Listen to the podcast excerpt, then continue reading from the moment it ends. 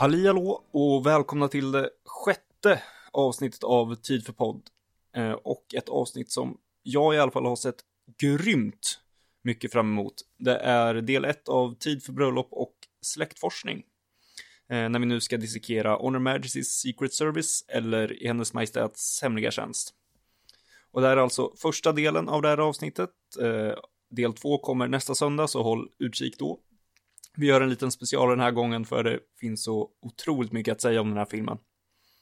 Eh, och jag är Emil och med mig har jag... Ja, Otto sitter här krasslig som uh, tusan, snuvig och damm. Men uh, ja, någon måste ju vara det. måste någon vara det? Ja, men jag tänkte att, någon, jag tänkte att Emanuel var ju det i From Russia With Love och nu är det min tur så ja. det är bara ni två kvar nu. ja, det, det är Rickard som sitter här. Det, det är som vanligt med mig tror jag. Ja. Fast du har inga mickproblem? Det får vi se när vi har spelat in klart. Jag får ursäkta för att det var, jag hade ju dålig, jag hade dålig mick, allt var dåligt senast med min mick i senaste avsnittet. Så jag ursäktar för det och hoppas att jag har lyckats fixa det den här gången. Och här sitter då Emanuel på ett som vanligt svajigt norrländskt internet. ja, stabilt men långsamt som sagt var. Precis. och annars då allt bra eller? Nej, Nej. Nej, du är sjuk. ja, jag är sjuk. Men vid den här sjukdomen blir jag faktiskt frisk ifrån. Till skillnad från det andra. Som gör så mycket. Nej, så men, äh, ja. Nej, men det är väl bra här också. Det är ju... Jag har en lugn period på jobbet så jag kan inte klaga så mycket. Det är ganska, ganska bra. Jag är redo för att podda helt enkelt. Grönt. Skönt. Ja, vi ska ju reda ut, vi ska ju reda ut er sjukdom nu. Eh, vad, vad den beror på under, under de här de här timmarna. Jag har i och för sig också en sjukdom. Jag har enorm abstinens. Men det kommer snart att lösa sig, för snart kommer allsvenskan att dra igång igen i fotboll. Världens bästa fotbollsliga. vilket lag, vilket lag, vilket lag håller du på? Örebro SK. ÖSK? Jajamensan. ÖFK. Är de uppe nu? Ja, de är ju det. De små norrländska jäklarna. Ja, just det. Spela fotboll i två meter snö, det kommer bli en chock. Ja. ja, då spelar man, spelar man fotboll då eller snöboll? Nej, det är inte så kul. Man försöker vara lite rolig i alla fall. Ja, är det är, just, det är just den här sjukdomen, det är just den här sjukdomen som är obotlig. Fortfarande upplyft efter vårt möte förra veckan. Eh, ja, just alla lyssnare. Vi sågs ju allihopa faktiskt.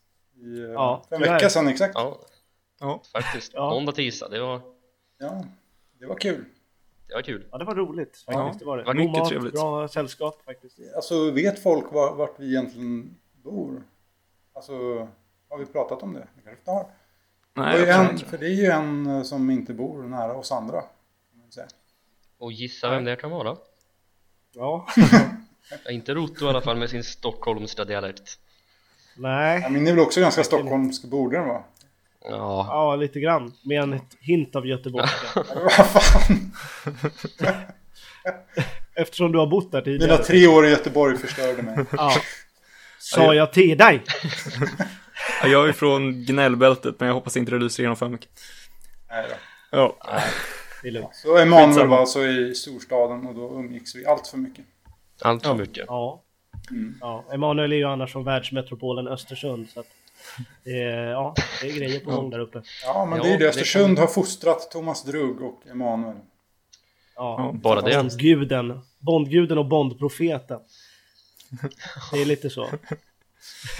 Ja, det är så. Ja. Vem är det som är James Bond som är gud och Thomas var hans profet? Eller hur är det nu? Ja, och Clevin och... McLaury var dess Judas. ja, exakt. oh. Oj, vad detta är internt alltså. Alla som lyssnade på Thunderball-avsnittet förstår ju vad vi menar. Mm. Ja, alla som kan någonting det är tämligen, om Bond. Eh, ja, det är tämligen självklart menar jag. inga, inga konstigheter. Nej, men så är det väl när man, när man kan, kan, sin historia om saker, då är det ju... Ja, exakt. Det kan man sin filmhistoria så vet man ju. Exakt. Ja. Jag är redo att köra igång nu alltså, jag är taggad. Ja, vi har ju varit och nämnt, börjat prata lite om, så då kan vi ju, innan vi börjar snacka om dagens film så kan vi ju ta lite Bond-relaterade nyheter. Och det är att Ken Adam eh, gick bort eh, den 10 mars tror jag det var. Eh, och det, ja, det är ju ganska, ja, väldigt tråkigt. Eh, men inte så oväntat. 95 Nej. år blev han väl. Mm. Jag, jag, jag, har alltid, jag blir alltid förvånad att han ens levde så länge. Han har varit borta ja. från Bond-serien i 30 år. Han har Ja. levt Ja. ända tills nu. Ja, Den, den sista filmen han gjorde var ju uh, Moonraker, Ja. var det inte det? jo, stämmer. Det alltså, sista Bond. Ja. Eh, ja, han gjorde totalt sju Bondfilmer kan man väl säga. Eh, och Ja.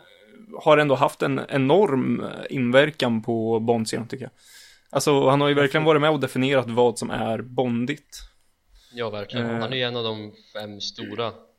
Tillsammans med Terrence Young, Sean Connery, Ja, eh, Peter Hunt, John Barry och Ken Ja, Adam. då. Det är ju De de. som jag var inne på, eh, de som jag var inne på i Dr. No-avsnittet. Ja, men precis. Ja. Och att en av dem, ja, det är ju bara han, nu är det bara Connery kvar av dem så att eh, legenderna bör försvinna. Ja, det är lite tråkigt. Det är det verkligen. Han gjorde ju bara, han gjorde ju egentligen de, de Bondfilmer som man kommer ihåg som extra Bondska om man ska säga så. Mm. Alltså designade setsen på dem. Man kommer ihåg nästan alla sets från Goldfinger, Åskbollen och Man lever bara två gånger, Mm. Diamantfeber, Moonraker och alla de. Det är liksom så här. Alla stora set som man känner igen från Bond-serien har han i princip gjort. Så kan man väl säga. Ja, han fick ju fria händer att göra vad han ville och han gjorde det. ja. Ja.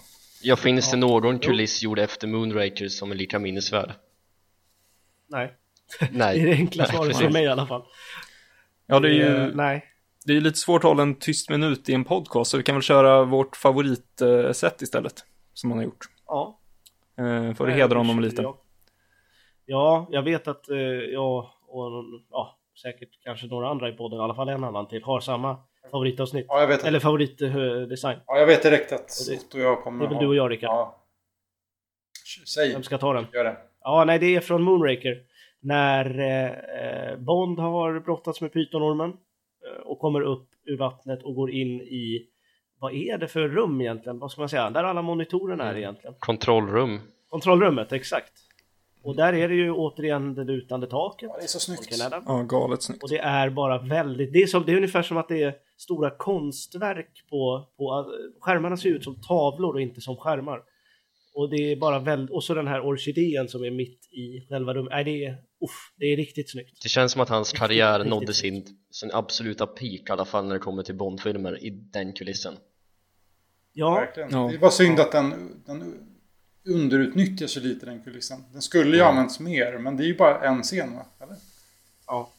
Ja. Ja, exakt. Jo, så är det ju. Det är ju. Det är ju också då intressant att en, att en sån sätt som till exempel eh, insidan på Liparus eller vulkanen från You Only Live Twice inte är den snyggaste. När den ändå skulle varit, liksom när den skulle varit en av de bästa om man tänker någon annan Mm. scenograf Ja, och art director. För det, de är ju också helt sinnessjuka, de, de inredningarna och de production designsen. Men eh, ja, jag tycker Moonraker är, ja, den är riktigt snygg den sättet. ja. Eh, vilken är din, Emanuel? Mm, Ja, jag har brottats med den frågan sen Ken Adam dog och jag kan inte riktigt besluta mig om det är om det är insidan av Liparus i The Spy Loved Me som är imponerande på alla möjliga vis. Om You Only Live Twice vulkan var bombastisk och storartad så är insidan på Liparus än mer. Det är så mycket mer komplext, det är så många mer divisioner och så många mer detaljer så att jag tror jag måste svara in den insidan ändå annars så är jag väldigt svag för Blofelds eller Willard Whites våning i Diamonds of Forever. Mm. och det är väl de två jag tänker på framförallt. Men annars om vi går utanför Bond så är det ju eh, Control, eller Mission- War Room i this, Doctor Strangelove är ju svårslagen om vi tänker hans karriär i stort. Ja, Ja, och det är ju också kanske det, ett av de mest, eh, kanske det mest ikoniska med den filmen med. Just Ja. det, det här rummet är ju liksom hur känt som helst, även bland de som inte har sett filmen så man känner ju till ofta det, det sättet i alla fall. Vågar man gå så Ja, långt och säga att det är ett av de mest kända kulisserna i filmhistorien? Ja, Det är tämligen självklart ja, det vill man ju nästan säga. Jag skulle vilja hävda att insidan på vulkanen är det också. Ja, den, är, ju- jo, jo. den ligger ju i, ja, även om den kanske inte är bäst ansedd av många, men den är ju jätte, jättekänd. Det är ju, jag gillar också Thunderball mötesrummet. Mm. Ja. Det är inte mötesrummet för Spectre utan det är när Bond kommer in. Det är världens största fönster. Ja just det Alla 00-agenterna är där. mm. Det är riktigt, riktigt snyggt. Eh, och mitt då, jag har precis som Emanuel brottats väldigt mycket med det här. Eh, men insidan på Liparus är en.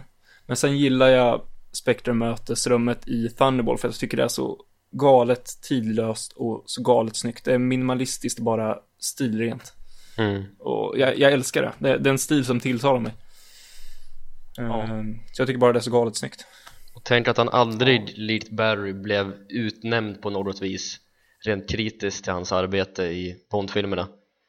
Jag läste en Nej. hyllningsartikel på en filmhemsida som jag inte tänker nämna och där nämnde de enbart Ken Adams verk utanför Bond. De nämnde inte hans Bond-verk överhuvudtaget. Och det är ändå en Ja. rätt välrenommerad filmhemsida så jag varit helt chockad att de nämnde inte Bond överhuvudtaget utan det var bara andra filmer som han hade blivit nominerad för och sånt där. Ja, precis. Ja. Mm. Men han fick väl, Bar- Barry fick ju inte heller någon eh, Oscar vad jag vet i alla fall för Bond. Nej, vart inte ens nominerad. Nej. Vilket är lite konstigt. Det kommer jag ta upp sen också att jag verkligen tycker att musiken för den här filmen skulle blivit i alla fall nominerad. Mm. Det kommer vi till. Men eh, vi kan ju nämna det också att George Martin också gick bort nyligen. Ja, Som skrev eh, musiken till Live and Let Die. dagen innan Ken Adam. ja det var dagen innan. Men han är väl, han är ju lite mer känd för sitt jobb utanför Bond, kan man väl säga där. Yes. På ett sätt som Ken Adam inte. Så honom får vi, honom får vi väl hylla i det avsnittet om några veckor. Om två avsnitt. Ja. Två avsnitt. ja, Ska vi börja snacka eh, i Hennes Majestäts hemliga tjänst nu? Ja, ja det tycker jag. Ja. Eh, och då kan vi ju köra det som vi brukar göra och ta vårt första minne. Eh, Ja. Någon som har något som sticker ut? Jag har faktiskt ganska tidiga minnen. Det här är en av de första filmerna jag såg och jag minns. Jag kan inte riktigt ehm, säga exakt när det var. Men jag vet, jag vet i alla fall att jag såg den här filmen hemma hos en kompis någon gång. Ja, runt tioårsåldern kanske. Jag var ju lite senare än er på att börja titta Bond. Så för mig är det liksom tidigt. Eh, då, då visste jag fortfarande inte riktigt vad Bond var. Men jag minns att jag var väldigt indragen i den här skidjakten. Jag tyckte den var väldigt häftig. Eh, tills min... Ja, Vilken av dem? Ja, det, vet- det minns jag inte faktiskt. Någon av dem. Okej. Ja, jag Det är ju vet. två. Jag trodde alltid att det var en Nej, förut det är ju två. Nej, men det, det har jag faktiskt ingen. Det kan jag inte riktigt minnas. Det är för länge sedan. Men jag minns att jag var väldigt eh, Ja. Indragen i filmen. Tills min mamma ringde och sa att jag var tvungen att komma hem och äta. så att eh, det, det, ja. Så det, det är en av de tidigaste minnena jag har av en Bondfilm. Just den skidjakten. Ja. Jag minns att jag såg eh, filmen i eh, etapper faktiskt. Eh, för att jag tyckte den var så ja, både tråkig, långsam och lång. Liksom. Den är ju en av de längsta filmerna fortfarande i Bond-serien. Men det, alltså det var, när den gick på tv så drog jag mig lite för att se den för att jag tyckte det var, han var tråkig och ful och allt möjligt när jag var liten. Eh, men ja, nej jag tyckte, jag, jag har inget riktigt första minne av den som jag hade av Goldfinger till exempel. Utan eh, nej, den, jag kommer ihåg att jag tyckte inledningsscenen var väldigt häftig. Tycker fortfarande att den är. Eh, ja, den satte standarden för, för ja, filmen i alla fall. Sen blev det lite sämre. Men eh, den, ja, jag har inget första minne sådär, det kan jag inte säga. Ja, Honor Majesty Secret Service var den första av de äldre Bondfilmerna jag såg efter Tomorrow Never Dies och Dine of the Day. Och jag minns att det var den första, det är också även den första Bondfilmen jag ärvde. För jag minns att jag gick på filmbutiken här i stan och kollade efter Bondfilmer för jag tänkte köpa en. Och det fanns massa hyrfilmer kvar av Bond för det var en speciell hylla såklart och det fanns, när jag kollade på köp DVD-hyllan då fanns det ett enda exemplar kvar av en enda Bond-film och det var On the Majesty Secret Service stod ensam i ett hörn Varför kommer det sig då? Ja, det kan man ju fråga sig, precis Nej, jag skojar. Så jag köpte den och kollade på den och älskade den i princip direkt Sen har det svajat lite hit och dit mina åsikter och sådär men Första intrycket av att se en gammal Bondfilm för första gången Det har aldrig riktigt släppt. Och när jag ser öppningssekvensen även nu så går jag åter och jag går jag omedelbart tillbaka till den stunden jag såg filmen för första gången när jag var Hur liten gammal var du och då? den känslan att då var jag eh, åtta eller nio år. Och jag får den känslan i magen att wow, det här är någonting, någonting nytt. och den, Lite som en kärleks... Eh, det bubblar i magen liksom. ja men precis, lite samma, lite samma sensation får jag fortfarande när jag ser Ah. Gun Baron från just den här filmen lite speciellt, Det pirrar till lite Ja. helt enkelt. Ja, både här och där kul. Eh, Ja. Nej, Jag har egentligen inget sådär minne som sticker ut. Det jag har, enda jag kommer ihåg egentligen från det att jag skulle kolla på den, det var att eh, jag såg extremt mycket fram emot filmens sista scen. För att det var en grej man hade, ja, hört talas om innan. Eh, så egentligen var det bara en, ja, hur lång är filmen? Två timmar och 40 eller vad det nu är. 20 minuter, ja två, två timmar och 20 minuter. 20, ja. Eh, Väntan på den scenen i stort sett. Ja. Mm. Vi kan väl säga det. Eh, det här är ju den mest eh, omdiskuterade Bondfilmen. Alla kategorier egentligen. Extremt, hävda extremt kontroversiell på sina sätt. Ja, alltså må många, nästan alla som jag känner har en åsikt om den. Antingen så älskar de eller så hatar de och säger att det är den sämsta Bondfilmen. Ja. Så är det väl med alla egentligen. Det finns ju ingen Bondfilm egentligen som har varit så omdiskuterad som Ja. den här och kontroversiell som du sa. Och det var ju lite därför det var just det här avsnittet som jag har sett fram emot väldigt mycket. Mm. Mm, För att det Ja, finns, exakt. det finns så mycket att säga om den här filmen. Det är så mycket att tycka. Och- gör det. Verkligen. Ja, väldigt Ja. mycket att tycka och ja, väldigt mycket att dissekera. Ja, det gör det verkligen. Ja. Eh, så då kan vi ju ta och eh, börja snacka om hur filmen eh, kom till då. Så över till Emanuel för bakgrund.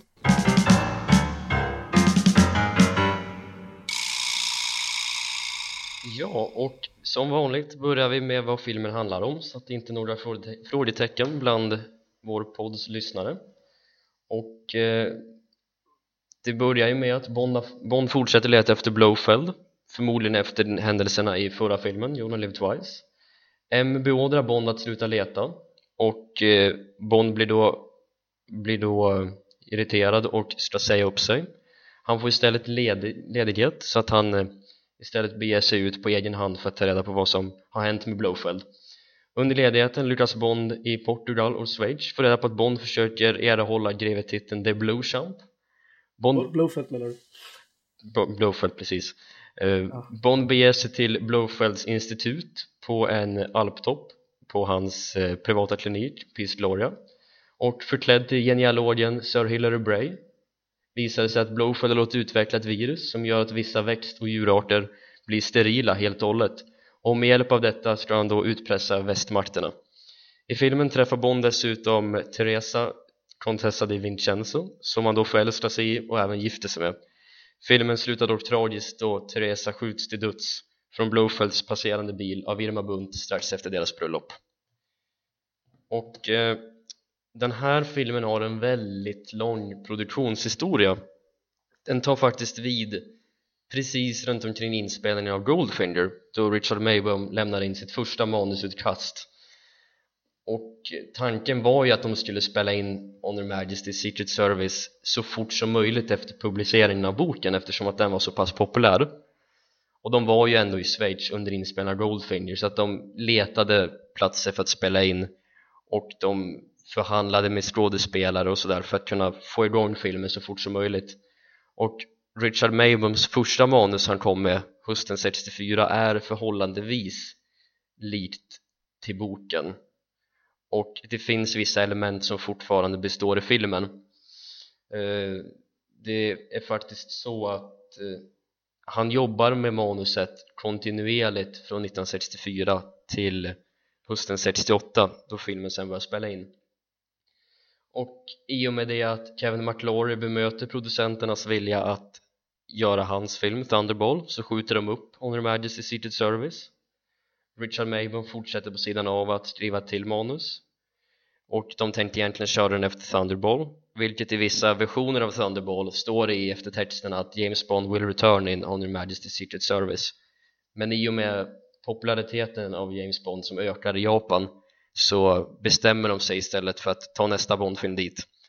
Och när de annonserade på en presskonferens 1966 så ställer en reporter frågan till Eons talesperson att varför spelar ni in filmerna i fel ordning? Det ska ju vara On Her Majesties för You Only Live Twice. Då svarar presstalesmannen att vi jag tror att publiken accepterar hellre att Bond blir tokig och blir japan än att han gifter sig.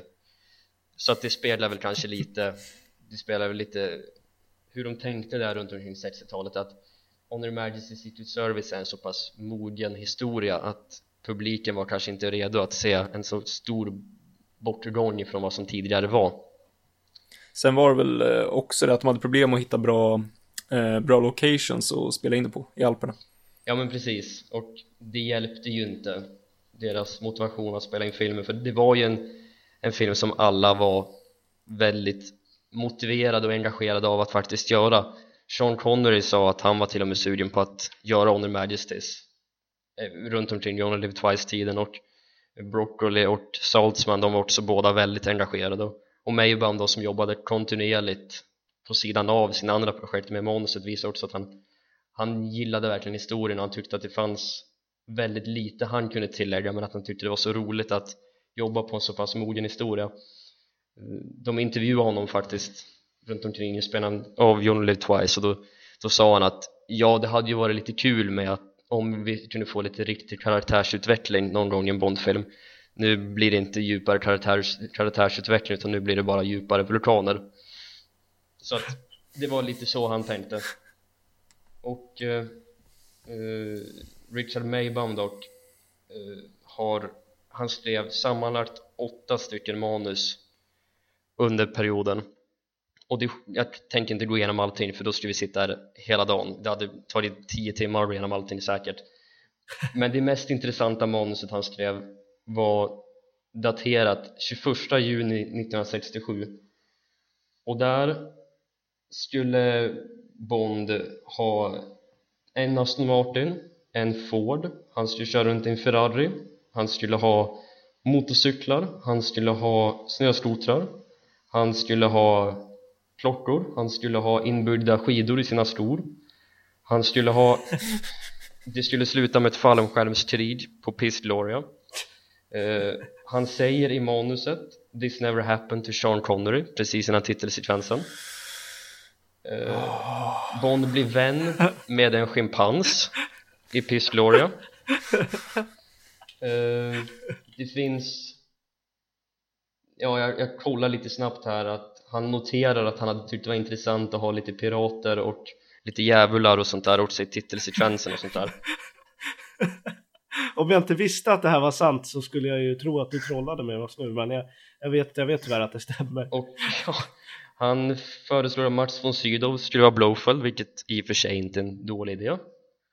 Uh, och ja, det är ett väldigt, väldigt annorlunda manus. Det är som helt otroligt ja. när man kollar igenom anteckningarna och tänker att vi fick en så pass grundad och seriös film som vi faktiskt fick i slutändan. Ja, nej, man, man tycker att allt det där låter helt sjukt. Sen så kommer man på sig själv att vi faktiskt har osynliga bilar och en laserdräkt från Star Wars med i Bond-filmen, så Bond-serien. Så ja, det kanske inte är så konstigt. Ja, apropå nej. laserpistoler. Öppningssekvensen i det här manuset var visserligen på stranden i Portugal men istället för att han skulle rädda Tracy så skulle han låta henne gå ut i havet och, där, och sen skulle han ta upp sin laserpistol som han hade med sig i bilen. Och använda den på något vis, det är lite otydligt. Men det skulle vara en laserpistol med och konsekvensen i alla fall. Ja. men de arbetade om det. Och eh, till sist lämnade Maybaum in sitt manus. Peter Hunt och, och manusförfattaren Simon Raven de, de putsar till manuset gör det lite mer sofistikerat, lite mer dämpat lite mer strömlinjeformat och håller det ändå rätt normaliserat problemet som var som vi alla förstår efter att Sean Connery lämnade rollen med pompa och ståt 1967 var ju att de behövde hitta en ny James Bond. Och eh, i slutet på 60-talet när James Bond var som allra störst så letade de verkligen över hela världen. Det var hysteri, vem ska bli nästa James Bond? Och jag tror inte det fanns en enda skådespelare som var aktiv under den tiden som inte blev tillfrågad. Um, det ryktas ju, det är snarare de försökte få tag i Adam West som spelade Batman. Och eh, som bland annat, de försökte ju nå ut till varenda en som, som var en man helt enkelt och var amerikansk eller brittisk för att kunna vara Bond ett rykte som är värt att slå hål på det är att Timothy Dalton som sen spelade Bond i 80-talet fick frågan att spela Bond här då och eh, den frågan fick han faktiskt aldrig utan han var ju enbart vid det här tillfället 22 eller 23 och det är ju alldeles för ungt att vara James Bond Ja, var det inte så att han, eller som jag förstod så blev han, eller blev han det vara så att han blev uppringd av producenterna men han ville inte ens komma in på intervju eller något sånt där? Ja, jag tror inte den sitter så Jag långt. Jag tror bara att de, de hade honom bara i åtanke någonstans att han är en brittisk teaterskådespelare och ser ut som Bond men att det inte blev mer än så Men en som säkert var mer påtänkt som också blev Bond sen, det måste ju varit Roger Moore. Han var väl påtänkt under hela 60-talet egentligen. Ja, men här var ju, tror just, var han ju fortfarande inte just under den här tiden. Nej. Ja men det var, ja jag vet, men det var ju, alltså, det var ju tidigare också menar jag. Ja. 62 var han ju också helgonet så att, han var säkert i ryktessvängarna men Han- han var väl inte bland de Han nämns ju inte i några... Stora. Någonting som jag... Eller jag har aldrig hört talas om att han skulle vara just inför den här filmen. nej. Ja, Han var påtänkt innan Only Live Twice vet jag Men eh, jag tror inte innan Honor Majesties Jag har för mig att han, eh, att Roger Moore snackar om det där i sin självbiografi om jag inte minns helt fel. Men att, eh, att han var påtänkt lite sådär men att det liksom, det blev aldrig egentligen något snack om det just på grund av att han var med i helgonet. Men att de gärna hade Ja. velat, velat haft honom eh, väldigt tidigt och det var lite Ja det var det jag menade. Var- exakt, det var- inte det var- riktigt något seriöst liksom. Exakt, men det var ändå diskussioner med honom och han eh, visste om Ja. deras intresse. Ja, ja, definitivt. Sen vet jag att han blev eh, på riktigt påtänkt i Diamonds Are Forever, men då gjorde han ju Snobbar som jobbar istället. Hur som helst, eh, de, när de börjar närma sig inspelningens start, det är runt våren 68 så börjar de inse att det finns inte så många alternativ som de faktiskt trodde på från början och George Lazenby, en modell från Australien som var mest känd i England för att vara frontmannen för ett stort chokladföretag. Var en väldigt framfusig och självsäker och man nästan säga självgod ung herre som såg upp till Bond och ville leva livet som Bond. Så att han träffade faktiskt Cubby Broccoli första gången våren 1965 på en av de mer luxuriösa eh, barberarna i England om vi säger så där han klippte sig som Sean Connery helt enkelt. Och senare så träffade han på Cubby igen och då skaffade han sig även en kostym som Sean Connery skulle vara påtänkt att använda en, en Savile Row. Och han hör på något vis om det var via hans agentur eller sådär att de söker en ny Bond. Och det finns två olika historier som säger två olika men nästan samma sak. Antingen att eh, George Lazenby går in på Eons kontor och rusar upp till Harry Saltzmans kontor och helt enkelt ställer sig där och bara tittar på honom och ska egentligen säga att här är jag, jag är James Bond. Och en annan version som säger att han träffar på en, en uh, casting director en sån som sköter om själva castingen av skådespelare och sen pratar med honom och sen får träffa Harry Saltzman. Hur som helst så ljuger han sig fram och säger att han, har, han är karateexpert, han är ryttare och han har gjort filmer i Östtyskland och i Kina. Ställen där de inte kan undersöka om han verkligen har gjort filmer eller inte. Han träffar i alla fall Peter Hunt dagen på och då erkänner han att jag är ingen skådespelare utan jag har aldrig haft någon erfarenhet framför att, framför att agera på något vis utan jag är en modell från Australien. Och han förväntar sig att han skulle bli utkastad och att han skulle bli utskrattad därifrån men de såg något i honom och de lät honom fortsätta vara med dem och runt dem. Och han var även en av de sista fem som gjorde screentests och han är den enda som gjorde ett screentest mot Diana Ridge som redan var castad i huvudrollen som, som eh, Tracy då. Och i slutet på augusti 1968 då får han då slutligen rollen efter att ha gjort ett spektakulärt screentest mot eh, den före detta brottaren eller wrestlaren Jurij Borienko som sen spelar eh, hantlangaren Grunter i filmen där han eh, slår ner honom helt och hållet eftersom inte han visste hur man slåss i filmer. Och då kommer Peter Hunt och säger till honom att okej, okay, du är James Bond från och med nu. Och han skriver på ett kontrakt som skulle vara sju filmer och som skulle löpa ut över 70-talet och eh, där någonstans börjar inspelningen och det är där någonstans de börjar inse i produktionsteamen att George Lazenby är kanske inte den stjärnan vi hade hoppats på. För att han beter sig som en som en ung kille som har som jag tagit vatten, tagit vatten över huvudet. Han beter sig väldigt kaxigt tycker de andra och han, han förväntar sig att behandlas som en stjärna just för att han är James Bond. Och han ligger runt och han, eh, han dyker inte upp när han ska dyka upp sitter uppe och spelar, spelar kort sent och spelar bort sina pengar håller sig borta från inspelningen och så vidare. Och de börjar väl förstå då kanske att den här killen är lite mer lite mer av lite mer tru, vad ska man säga han innebär lite mer trubbel än vad Sean Connery eller någon annan hade gjort Ja, han var väl uh, ovän med större delen av produktionsteamet. Han var väl även ovän med Diana Rigg, om jag inte missminner mig. Ja, det är lite olika saker som sägs där, om de verkligen var så ovänner som det sades i tidningarna runt den tiden, eller om det inte var så. Det är George Lazenby säger en sak, Diana Ridge säger en sak och Peter Hunt säger en tredje sak. George Lazenby insisterar ju även på att Peter Hunt och aldrig pratade med George Lazenby under hela inspelningen utan bara lät snacket gå med en assistent medan alla andra inspelningssätt så var det inte alls utan de var väldigt goda vänner under hela tiden de spelade in. Ja, ingen rök utan eld var väl i alla fall kanske någon form av dispyt gissar jag. Ja men precis. Ja, det tror jag nog. Ja. Och inspelningen var rekordlång för att vara en Bondfilm. Den började i oktober 1968 och var inte klar förrän slutet på juli 1969. Och de var sju eller åtta veckor efter i schemat och ja, filmen har till sist premiär efter mycket om och men Lazenby har annonserat eller han har inte annonserat utan snarare hans nya agent Ronan O'Reilly som var en ökänd antietablissements ung karl från London som eh, berättar på sin radiokanal från sitt piratskepp där han spelar sin radio att eh, George Lazenby inte Bond längre. Så han han tar ordet ifrån George Lazenby helt enkelt. Och Harry Saltzman och Cabo Broccoli de visste inte om det tidigare utan de fick reda på det på det viset att de inte hade någon huvudroll längre. Och eh, George Lazenby gör egentligen revolt mot alla inom Eon han, han låter håret växa långt, han fixar skägg och han eh, går emot allt och alla för han tror att sin karriär finns inom finns inom Easy Rider-genren eller inom spagettivästern. Så att när väl filmen har premiär så eh, blir den rätt sågad.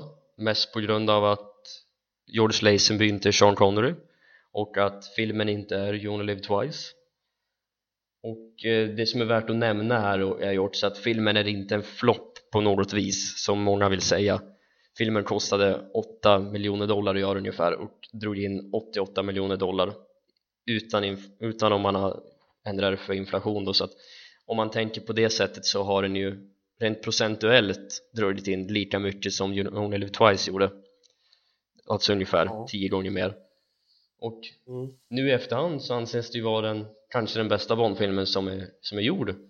Blev det verkligen så sågad att, eh, i medierna? Jag har fått en annan bild av att det var lite mer alltså blandat.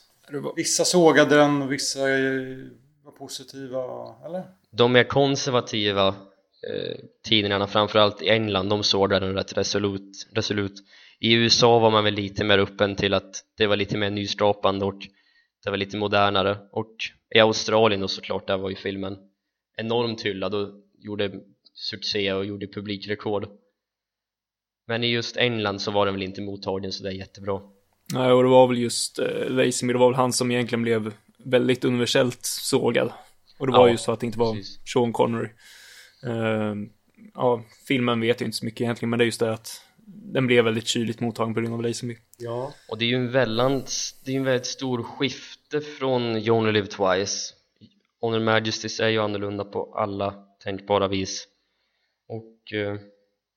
Jag kan förstå att publiken är skeptisk. Alltså det är inte så konstigt. Det är som om... Ja, att det nu skulle släppas en Iron Man 4 utan Robert Downey Jr. Alltså det är ingen som skulle gå och se mm. den för att för att Robert Downey Jr. är Iron Man. Uh, och det är lite samma sak. Alltså, det är liksom Sean Connery är den enda som har varit James Bond vid den här tiden. Mm. Helt plötsligt kommer en ny film med någon annan. Alltså jag kan förstå. Ja, precis, nu är vi så vana vid att vi har haft sex olika James Bond. Det är inget konstigt att det är olika personer. Men då måste det varit en jättegrej liksom. Ja, verkligen. Ja. Det är väl ingen direkt som har verkligen varit James Bond som Sean Connery var på den tiden. Det var, då, var ju, då byggdes ju liksom filmerna filmernas promotion byggdes kring honom ja. på, på, på ett sätt. Nu har det inte varit så med Daniel Craig ens, även om han har varit jättepopulär. För det har ju ändå varit så här, ja, Javier Bardem är med, Christoph Waltz är med, Monica Bellucci är med, Lea Seydoux är med. Det, det, är liksom, det är mycket andra karaktärer, men då var det verkligen Sean Connery is James Bond, stod nästan lika stort som titel på filmen. Ja, ju... och eh, innan Honor Majesty Secret Service hade premiär då så valde de att i många, i många affischer och i många trailers inte ens nämna George Lazenby det finns ju många affischer som cirkulerar framförallt i England där de inte ens visade honom överhuvudtaget. Utan det var bara Bond som stod med en pistol framför ansiktet och det är bort, bortskuggat bakom pistolen. Och i alla affischer så står det George Lazenby, han står tillsammans med andra skådespelare. Det står annars bara Ian Flemings James Bond. Till skillnad från som du säger Otto i de tidigare Bond-filmerna då det var Sean Connery is James Bond. Ja, det, fanns- väl ingen anledning att promota George Lazenby. Dels för att ja, han var ett no-name. Alltså det, fanns, det finns ju ingen som kände till honom på något sätt innan. Och två, Ja. ja, han ska ju hoppa av. Vi behöver inte promota honom för han gör inga fler filmer sen ändå. Så det kommer inte göra någon skillnad. ja. Men visste man det, visste man det under PR? jo, det tror jag inte. att de visste. Att... Han skrev ju på kontrakt med det. Ja men det var ju under... Sk- Skrev han verkligen på det? Du sa att han hade skrivit på ett sju filmskontrakt. Det tror jag inte att han hade gjort. Ja. Han gjorde det i början i alla fall men jag tror de korrigerade kontraktet under filmens gång för att kunna bemöta hans vilja Ja, för att men eh, som jag hörde så fick han liksom ständigt under inspelningen liksom nya kontrakt som de ville att han skulle skriva på för att liksom så att de visste att de hade han till en film till. Liksom.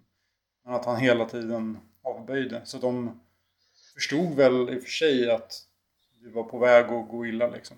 Men sen när Ronan O'Reilly sa det där på radio då var det ju spiken i kistan. Liksom. För då var det ju officiellt. och det var ju det var ju någonstans där i mitten på själva promotion precis innan premiären men ändå så pass långt ifrån filmens premiär att de fortfarande kunde ja, ändra affischer och ändra trailers Ja, för affischerna, annars borde väl de ha designats hyfsat tidigt i alla fall. Ja, jag jag tycka. det. mm.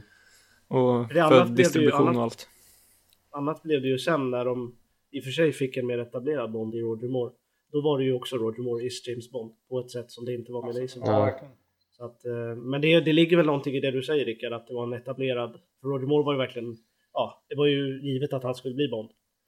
Det här handlade ju snarare om att få folk att se filmen trots att Sean Connery inte var med. Ändå, Ja, men det var, exakt. Exakt. Det, och den, ja, och den gick ju inte lika bra som You Only Twice. Men samtidigt så var det ju inte en flopp heller. Inte pengamässigt i alla fall. Sen vad, vad publiken var faktiskt tyckte Nej. då, det vet man ju inte. det var inte en film designad för att infria så pass stor publiksuccé som Så, de två alltså, tidigare har varit det också ha att göra med, alltså den här filmen är ju 20 minuter längre än You Only Twice. Alltså kunde Mm. den visas färre gånger varje dag? Kan sånt spela in? ja jag tror Ja, jag tror den gjorde det också. Den fick ju färre visningar på biograferna. Ja. Nu är det riktigt detaljnivå, men det gillar jag. Och sen är det också värt att nämna att George Lazenby sa som en av sina motivationer när han var, gjorde sin, press, sin egen, egen sponsrade pressturné i USA att hans kontrakt på sju filmer hans lön han skulle få för de sju filmerna var ungefär jämförbart med att göra en spagettivästern i Italien och det är en film. Och Clint Eastwood, han menade alltså att Clint Eastwood tjänar lika mycket på en film som jag kommer tjäna på sju filmer under kanske 10-15 år. Så han såg det som självklart att bege sig till Europa och göra andra roller än att bli typecastad som en hemlig agent med, med eh, kort hår och välklädda kostymer. För han menar ju det att han, skulle, han säger, säger det till exempel i dokumentären Everything or Nothing som kom 2012 att han, han fick ju inte ligga någonting när han gick runt som en polis det var ju så han tänkte utan han, Ja.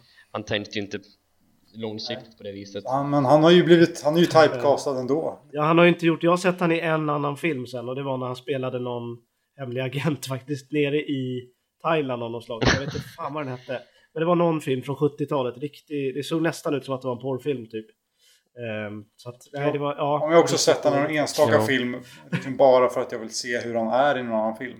Inte för att han har inte gjort någon annan film som man kanske skulle, egentligen skulle vilja se. Eller? Nej, Han har gjort Game of Death i och för sig med eh, Bruce Lee. Där är han med. Eh, med mus- musik av John Barry. Han var ju med den kvällen Bruce Lee dog Han skulle ju skriva på något storfilmskontrakt med honom och så dog ju Bruce Lee den kvällen de skulle skriva på manuset enligt George Lazenby Ja, precis enligt honom. Okej. Eh, Enligt honom så dog han precis på den middagen framför honom men det var ju överdrivet det också eftersom han, han enligt andra inte ens var med inte ens, han var inte ens i Asien vid den tidpunkten En, en helt annan väldigt rolig grej. Det är ju eh, Monty Python när de gjorde Life of Brian så, vill, så ville de ju tydligen ha George Lazenby i filmen. Och då skulle det stå på affischen George Lazenby is Jesus Christ. det, var, det, det var deras Ja, idé, var men det gick inte i lås. Det, det hade varit väldigt, väldigt roligt. Ja. Ja. Jag glömde nämna det angående manuset som Richard Maybaum skrev där 67 att det hade börjat med att Bond jagar Blowfell i Portugal och att han sen är på en bro som exploderar och Bond ramlar över bron, faller ner i vattnet, får sin Aston Martin över sig och måste därför plastikopereras Här.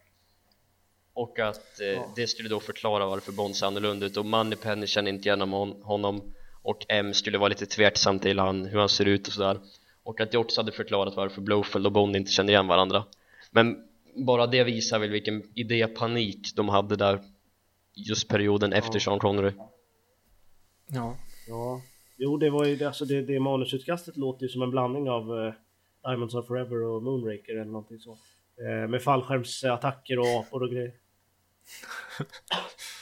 Så det är ju, Ja. ja, det är lite speciellt. Det är det. Och det är ju det är intressant att de ändå liksom... Eh, de har introducerat Blowfeld i filmen innan. Och så bara, ja, nej, vi kör på. Det är ingen som märker. Eller liksom... Exakt. Och sen blir det samma grej i filmen Ja. efter. Nästan. Vi har ju lite samma, ja exakt, vi har ju lite samma problem eller vad man ska säga nu då inför nästa Bondfilm faktiskt. mm. Eh, vad ska de göra? Ska de fortsätta eller ska de bara skita i det och säga ingen som märker? Får se. Det hänger på Daniel Craig. Ja. Ja, nej, det är ingen som vet men det är Ja. intressant. Ja, han är ju, han är ju Ja, är roten ju till allt. Så är det ju. Men om man tycker det är ont eller gott, det vet man inte. ja. Vi får se. Ja, verkligen. Eh, ska vi gå vidare? Eller hade vi något mer? Jag är klar här i alla fall Då går vi över till förlagen då. Och så lämnar vi över till Rickard.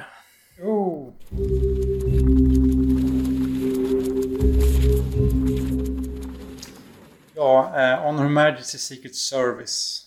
Alltså, den skriver Ian Fleming som vanligt, som han gjorde med alla sina böcker, på Jamaica. Och det är tidigt på året 1962. Och i närheten av hans hus, Golden Eye, så händer det ju grejer. Inspelningen av Dr. No pågår för fullt. Fleming besöker inspelningen vid ett flertal tillfällen och träffar både skådespelare och filmteam som, eh, som jobbar på filmen. Flemings inledande skepticism mot Connery, för han var ju lite sådär, tyckte kanske inte att utseendemässigt att Connery såg rätt ut, men eh, han, han mjuknade ganska snabbt när han fick träffa Connery och lära känna honom. Och dessutom så blev Fleming väldigt förtjust i Ursula Andress såklart. Som därefter också får ett omnämnande i boken han sitter och skriver. Ehm, då vill jag återigen, jag tror att jag kanske nämnde det här, jag tror vi pratade om det i Dr. No-avsnittet. Jag vill förstöra en myt. Eh, och det tål att upprepas. Att Ian Fleming ändrade inte James Bonds bakgrund till skotte på grund av Connery. För att det finns alltså korrespondensbrev mellan Fleming och en heraldiker som för övrigt ligger som grund för Hillary Bray. Ehm, två år före Connery ens var påtänkt. Som, och de här breven visar då att Fleming ville att Bond skulle ha en skotsk bakgrund redan då. Och den researchen han gjorde ledde då upp till On Her Majesty's Secret Service. Så att, ja, Connery ska ha inte haft någon inverkan på, på Bonds bakgrund. Eller Flemings val att presentera Bonds bakgrund i just den här boken. Boken släpps ju då sedan 1963 och blir snabbt en bestseller. Den ligger etta på New York Times bestsellerlist i över sex månader. Och får, ja, den får övervägande väldigt positiv kritik. Och det är väl, ja, ganska tydliga Ian Fleming har lyckats igen. För han, boken innan blev ju ett, ett fiasko. Det är ju The Spy Who Loved Me. För er som inte har läst den så är det en, ja, Fleming exper experimenterar väldigt, väldigt mycket i den boken.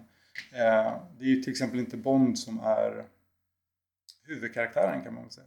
Utan den, den skrivs ur en kvinnlig karaktärs perspektiv. Och det togs inte emot väl vare sig av publik eller, publik eller läsare.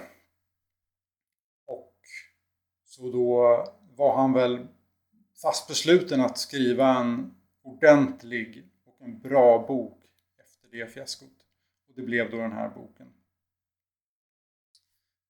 Um, som en litet bara trivia så finns det tydligen flera platser som i alla fall inspirerade Fleming till eh, Piz Gloria. Bland annat eh, Hitlers Kielsteinhaus, eller som vi säger, Örnnästet. Eh, och ett slott som heter Mittersill, som jag tror ligger, jag minns inte ens var det ligger, ligger i Österrike tror jag. Um, mm. Men den mest häpnadsväckande det är Sphinx-observatoriet. Det är, ja det är, googla på det, för det är riktigt eh, häftigt. Det ser ut som en, eh, ser ut som värsta skurklyan man kan tänka sig uppe på en liten topp. Uh. Och jävlar vad coolt! Ja, jag googlade direkt. Det var ju häftigt alltså. Ah, ja, eh, skitsamma. Det är, det är som plockat ur en... Ja, den borde de, om de, gör en, om de gör en i Hennes Majestäts Hemliga Tjänst remake som jag pratade om. Men det ska de inte göra! Nej men gör de det så ska de använda Över min döda kropp. Ja det är, det är riktigt coolt. Det, det, kan användas när som helst. Det ser, ja. det ser ut som att det är taget från en Bondfilm. Ja ja, definitivt.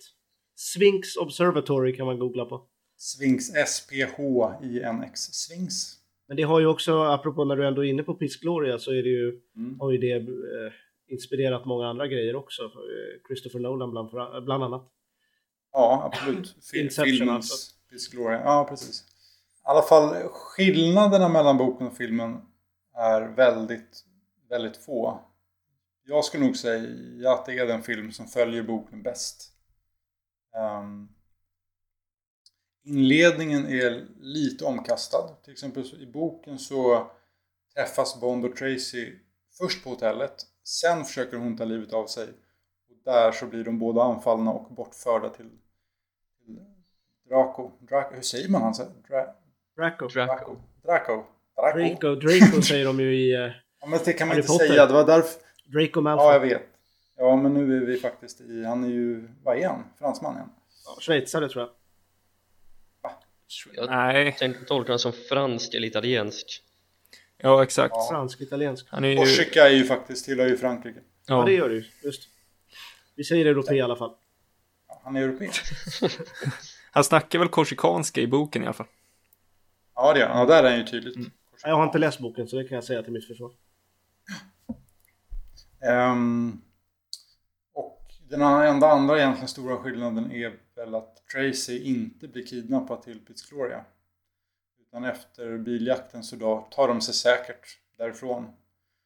Eh, och det är egentligen de enda ja, grejerna man kan säga om skillnader. Den är väldigt, väldigt lik boken. Boken och filmen är lika. Um, så då tänkte jag fråga er, Emil och Emanuel som har läst boken, vad tycker ni? Ja, Emanuel kan börja. Ja, det är svårt att inte gilla boken om man gillar filmen. De är så pass lika och det är kanske den enda boken som jag anser ett eller om man kanske anser att filmen är ett värdigt komplement till boken för att de sakerna jag irriterar mig lite på i filmen fungerar klockrent i boken och vice versa så att det är en, alltså det är jag blir helt förstummad bara jag tänker på boken faktiskt. För att den är så pass bra. Den har en så pass hög lägstanivå att boken är den rena definitionen av en bladvändare. Jag läste den senast innan jag såg Spectre och jag tror jag läste boken i två sittningar rakt igenom. För det är så mycket som är så ruggigt bra i den här boken. Och jag kan inte artikulera mina åsikter tillräckligt väl för att kunna på något vis göra mig rättvis till vad jag tycker om den här boken. Det är en klockren femma av femma. Allting bara sitter perfekt. Och där lämnar jag över ordet till Emil innan jag stammar mig loss ur den här podden. Så att jag, jag låter Emil ta över där och hoppas att han kan artikulera sina åsikter bättre än mig. Uh, Ja, och jag har nästan svårt att artikulera mina egna åsikter, för jag vet, alltså, jag tycker den här boken är, den är, det är en bra bok, väldigt bra bok. där kan jag säga. Men jag tycker den är jättesvår att sätta fingret på på något sätt. Eh, och det kan väl kanske lite ha att göra med att den är så pass lik eh, filmen som den är. Eh, och precis som Emanuel sa så tycker jag också att det blir lite många grejer som görs jättebra i filmen kanske görs lite sämre i boken och vice versa. Och ja, ja, jag tycker det är jättesvårt. Jag, jag, vet inte vad jag ska säga om den här boken. Uh, nej men det, jag tycker det, jag, jag har funderat på den sen jag läste klart den och jag kommer inte fram till något vettigt förutom att det är en bra bok i stort sett. Uh, väldigt, väldigt väl genomförd, välskriven, ett hantverk uh, som funkar väldigt bra. Uh, ja, jag har inte säkert, jag, ja men jag vet fan vad jag ska säga om boken. Jag vet inte, det kanske, det, det kanske, är, det kanske är positivt där med. Uh, att jag inte har så jäkla mycket att säga. Uh, det är en, säga. Nej, uh, det är en av de bättre böckerna i, i serien. Betyg 4, 4,5. Ja, du behöver inte sätta något betyg om du inte kan bestämma det. det... Nej, jag har jättesvårt att bestämma kan jag säga. Det känns ju som så att vissa, vissa verk inom olika typer av konst arbetar mer på någon typ av emotionell nivå. Så att det är svårt att analysera och dissertera det. Och så känner jag inför den här boken. Den, när jag läser den så är jag, jag är transfixerad i dess innehåll. Och jag är där i Schweiz tillsammans med Bond. Och därför kan jag inte objektivt bara tycka någonting om boken så här på efterhand. Den är så pass viktig på något vis så därför lämnar jag över till Rickard och låter dig fortsätta här Ja, um, då kan jag försöka analysera lite då. Om ni inte kan. Uh, direkt kan jag säga, jag tycker också att det här är den bästa boken utan, utan egentligen konkurrens. Eller jag, det har varit ganska lätt val för mig i ganska många år. Um, om jag ska försöka på något sätt analysera så är det, får jag, jag får en känsla av att det här är första och enda gången som Fleming konsekvent faktiskt lyckas binda ihop liksom alla röda trådar i boken och alla teman på liksom ett tillfredsställande sätt. Alla viktiga karaktärer genomgår en liksom intressant resa i boken. Någon sorts liksom förvandling. Också det där med att man får veta Bonds inre tankar. Gör ju att Bond är ju som mest komplex i den här boken. Och det behöver ju naturligtvis inte vara bra. Men jag tycker det funkar väldigt, väldigt bra i den här boken faktiskt. Han öppnar upp sig och sitt känsloliv samtidigt som han fortfarande är den här hårda agenten när han behöver vara det. Därför funkar Bond som karaktär fortfarande i den här boken för att det är inte, han är inte bara liksom en ja, kär idiot. Liksom. Eller vad ska jag säga, men han är fortfarande, han är fortfarande väldigt liksom professionell fortfarande. Um, det är just det jag tycker är häftigt är just de här röda trådarna. Just att boken inleds med att Bond besöker Vesperlyns grav. Um, I den stad som Casino Royale då utspelar sig. Den här lilla franska eh, kustorten Royal så Och i den här staden då, efter att han har besökt eh, grav, så träffar han Tracy. Och det är ju väldigt, jag tycker det är ett väldigt, väldigt snyggt sätt att liksom nästan det är som att Bond som karaktär möter sig själv i den här boken.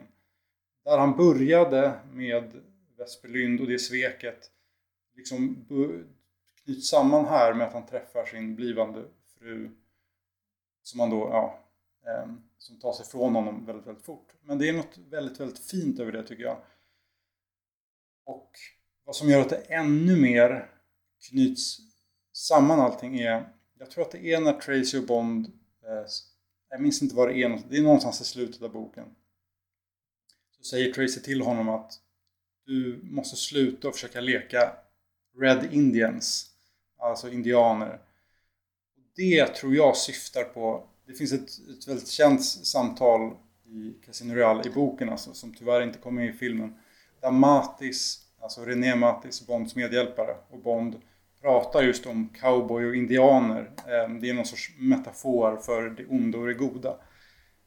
Och när Tracy säger det till Bond i den här boken så får jag en otroligt stark känsla av att det här är, för mig är det här Flemings sätt att knyta ihop eh, Bond som karaktär. Sen kommer ju tyvärr boken efter. Men Jag, eh, jag tänkte nämna också det här med eh, att han måste vara professionell men samtidigt ha kärlekskänslorna. Eh, jag tror det är från samma, ja någonstans där den här närheten han är klar med eh, själva slutfighten och han träffar eh, eh, Tracy igen. Eh, när han tänker något med att han har, hon är väldigt orolig, har varit jätteorolig och så tänker han så här att ja, men jag har aldrig behövt, jag har aldrig haft någon som har brytt, brytt sig om mig. Jag har aldrig behövt tänka på det innan och det slog honom först när han var klar att, ja just det. Mm. Ja. Det finns ju faktiskt någon som bryr sig Ja, om mig. ja, det är, det är väldigt fin, en fin Ja. liksom en insikt. Ja. Ja. Ehm, och Tracy, hon är också... Hon är, ju inte, hon är ju inte med lika mycket i boken som i filmen. Men det är också där att hon, hon börjar boken, det är liksom första sidan egentligen, i boken, med att hon står på stranden och tänker ta livet av sig. Eller Bond tror i alla fall det. Vi, vi får inte riktigt veta om hon faktiskt tänker göra det, tror jag. Men det, det är så man ska tolka det i alla fall, att hon ska ta livet av sig. Och, hon, och genom hela boken så genomgår hon en jättepositiv förvandling. Varje gång vi får möta henne i boken så är hon en mer positiv person och gladare. Och sen så kommer då sista sidan där hon, hon, slut, hon slutar precis där hon började i boken, mot döden. Det är, ja, jag får, fan, jag får gåshud när jag tänker på det, det är sjukt. Det var en väldigt fin eh, beskrivning av det. Det var nog bland det finaste jag har hört sägas om Bond någonsin tror jag. Din beskrivning av Casino Royale och eh, Omus, eller Han Majesty Ja. Secret Service, hur det, hur det Ja, men det, jag, tycker, jag tycker att Det var väldigt fint liksom- sagt bara. Ja, tack. Tack så mycket. Nej men det är liksom, jag tycker att Fleming verkar ha lagt så mycket tid och så mycket känslor i den här boken och jag tycker det skiner igenom. Och, då, och förutom då det här, jag ska försöka liksom analysera den här boken, så är det precis som Emanuel sa, att det är en, ja, alltså det är en, det är en äkta bladvändare. Alltså den är så otroligt spännande och ett perfekt liksom agent-action-äventyr i sin liksom, rätta bemärkelse. Det, det, en, det enda som stör mig är när Bond efter att han har flytt från Piss Gloria kommer tillbaka till London. Då är det, vad är det två kapitel med massor av dialog med M som inte tillför någonting Ja. egentligen sådär. Och de pratar om eh, biologisk krigsföring ja, och Blofelds plan och allt det där. Ja, det är väl viktigt bara för att förstå Blofelds motiv. Men det är ju, Ja, det är ju, ganska, precis. det är ju ganska segt. Det är ju ganska, väldigt lång Ja. utläggning om biologisk krigsföring som man bara Precis. halvsomnar Jag vet inte om det var... Det hade behövt komma tidigare i själva boken också. Ja. Ja, jag vet inte om Fleming kände att han var tvungen att...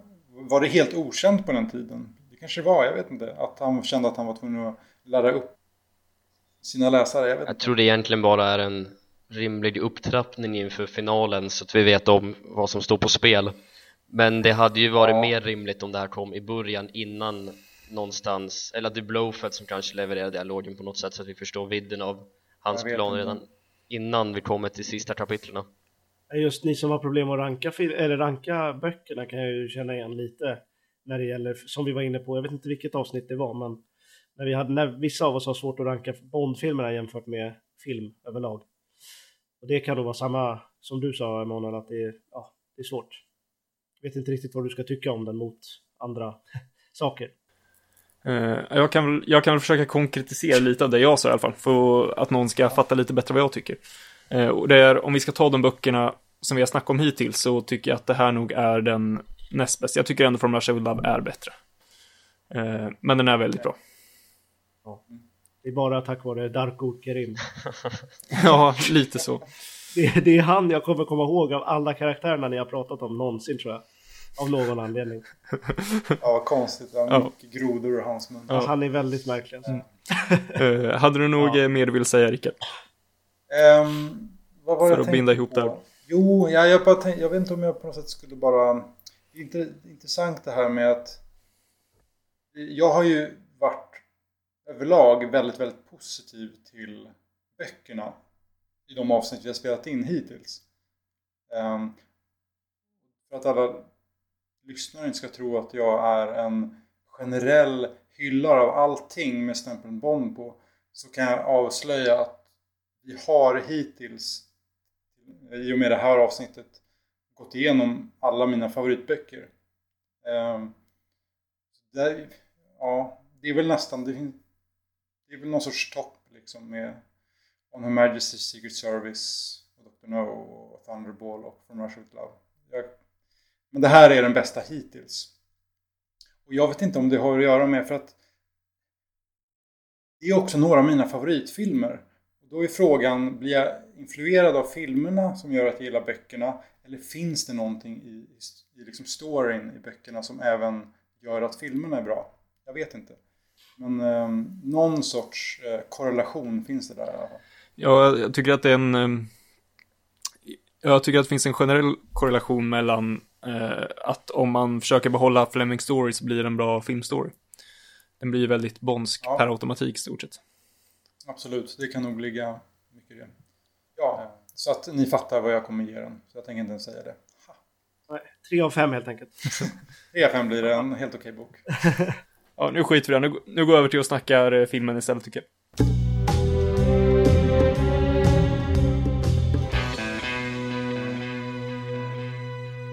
Och då förflyttar vi oss till eh, stranden. I pre-titan. Ja, jag vill prata Gunbar också. Ja, vi kan. Ja, Varför inte? Vi... Gunbar. Uh, nu har vi ju faktiskt en ny Gunbarrel igen. Absolut. Prata, då. Prata på. Ja, jag tycker, ja, ja, ja. Det är allt det här att jämföra Gunbarrels mot varandra är svårt. Men det här är en, en av mina personliga favoriter. Okej. Okay. Eh, av två anledningar. Musiken är svinbra. Och Ja, på något sätt så gillar jag att George Lazenby går ner på knä. Alltså jag tycker det är coolt. Han gifter sig i filmen också, då går man ju ner på knä ofta.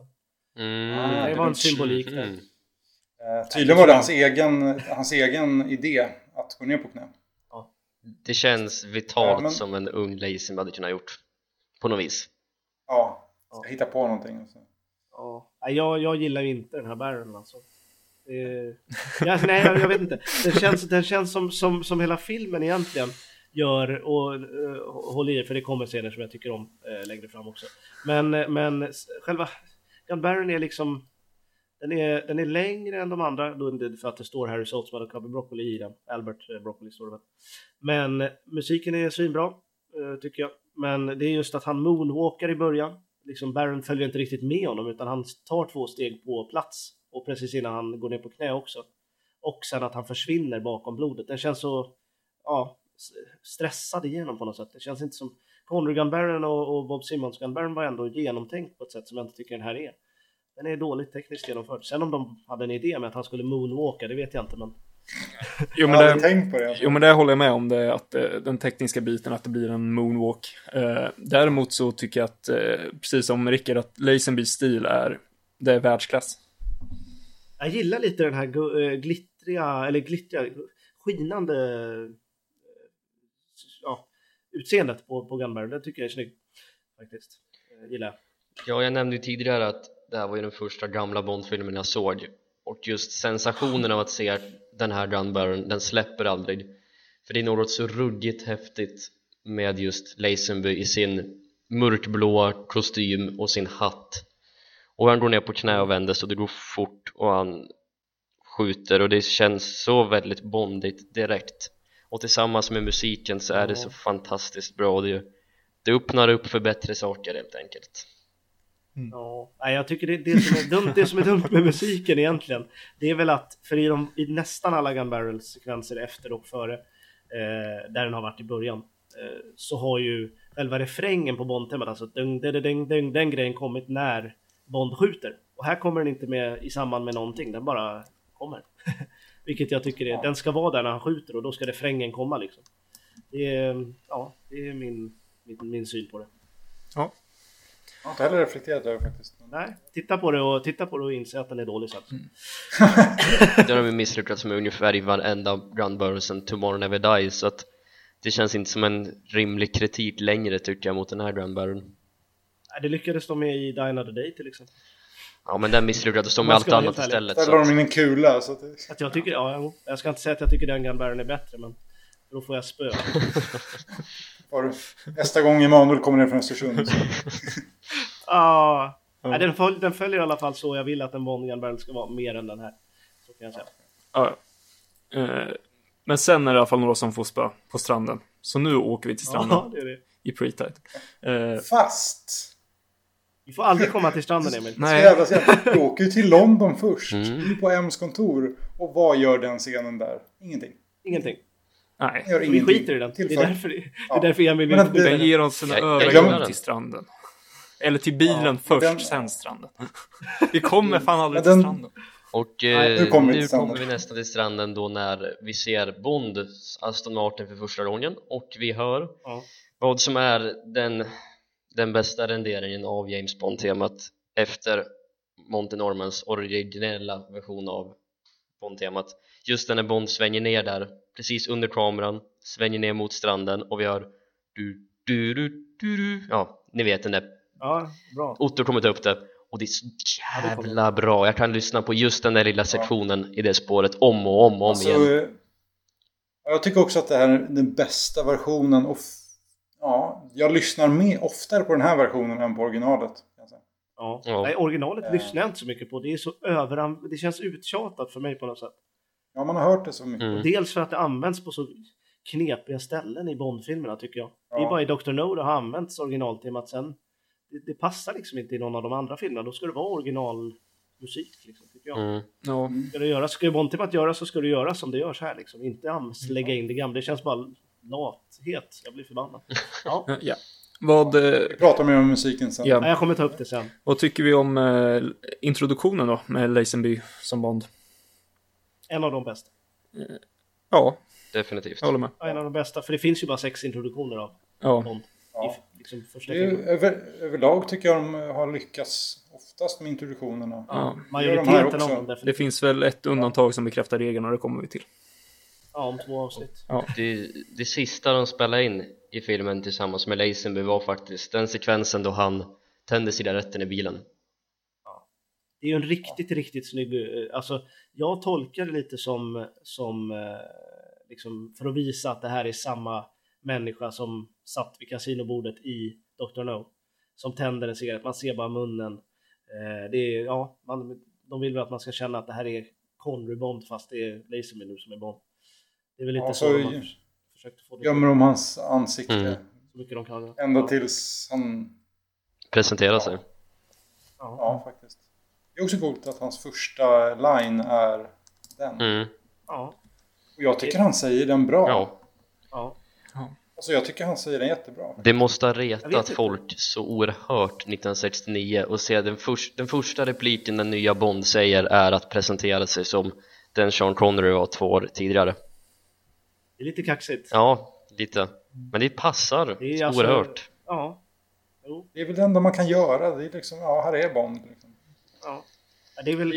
Connery har ju bland sina första repliker som är My name is Bond, James Bond, men Precis. det är ju inte den första. Han säger ju lite guards och hit Ja, me exakt. sådana grejer. Inte hit me kanske, de spelar inte Blackjack, men lite sådana kort, kortord som man kan säga. Ja. Kortord, ja det är nice. Men det är Eh, bra introduktioner, det är det ju. Av Ja. alla sex Bondarna, förutom Roger Moore. jag vill bara säga en sak om eh, bilen. Eh, för vi får inte se bilen så jäkla mycket i filmen, så jag kan lika gärna säga det nu. Eh, det är att eh, rent stilmässigt så är det den bilen, den är min, eh, vad säger man, näst.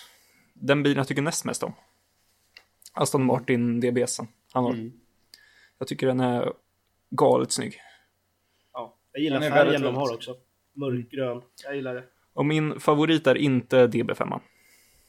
Nej, det är faktiskt inte min favorit. Den kommer Den trea. har ju, den har ju devalverats, den har ju devalverats i värde kan man ju säga. Ja. Ja, det efter, faktiskt- eh, efter otaliga användningar i nya filmer. Ja. Jag. Nej, jag, Jag ville, gillar, jag gillar, jag gillar DBSan också. jag ville bara få det sagt. Eh, Ja, det är. Nu, jag vet ju att eh, i From Russia with Love prat- pratade vi om tågfighten och att den var typ den bästa i serien.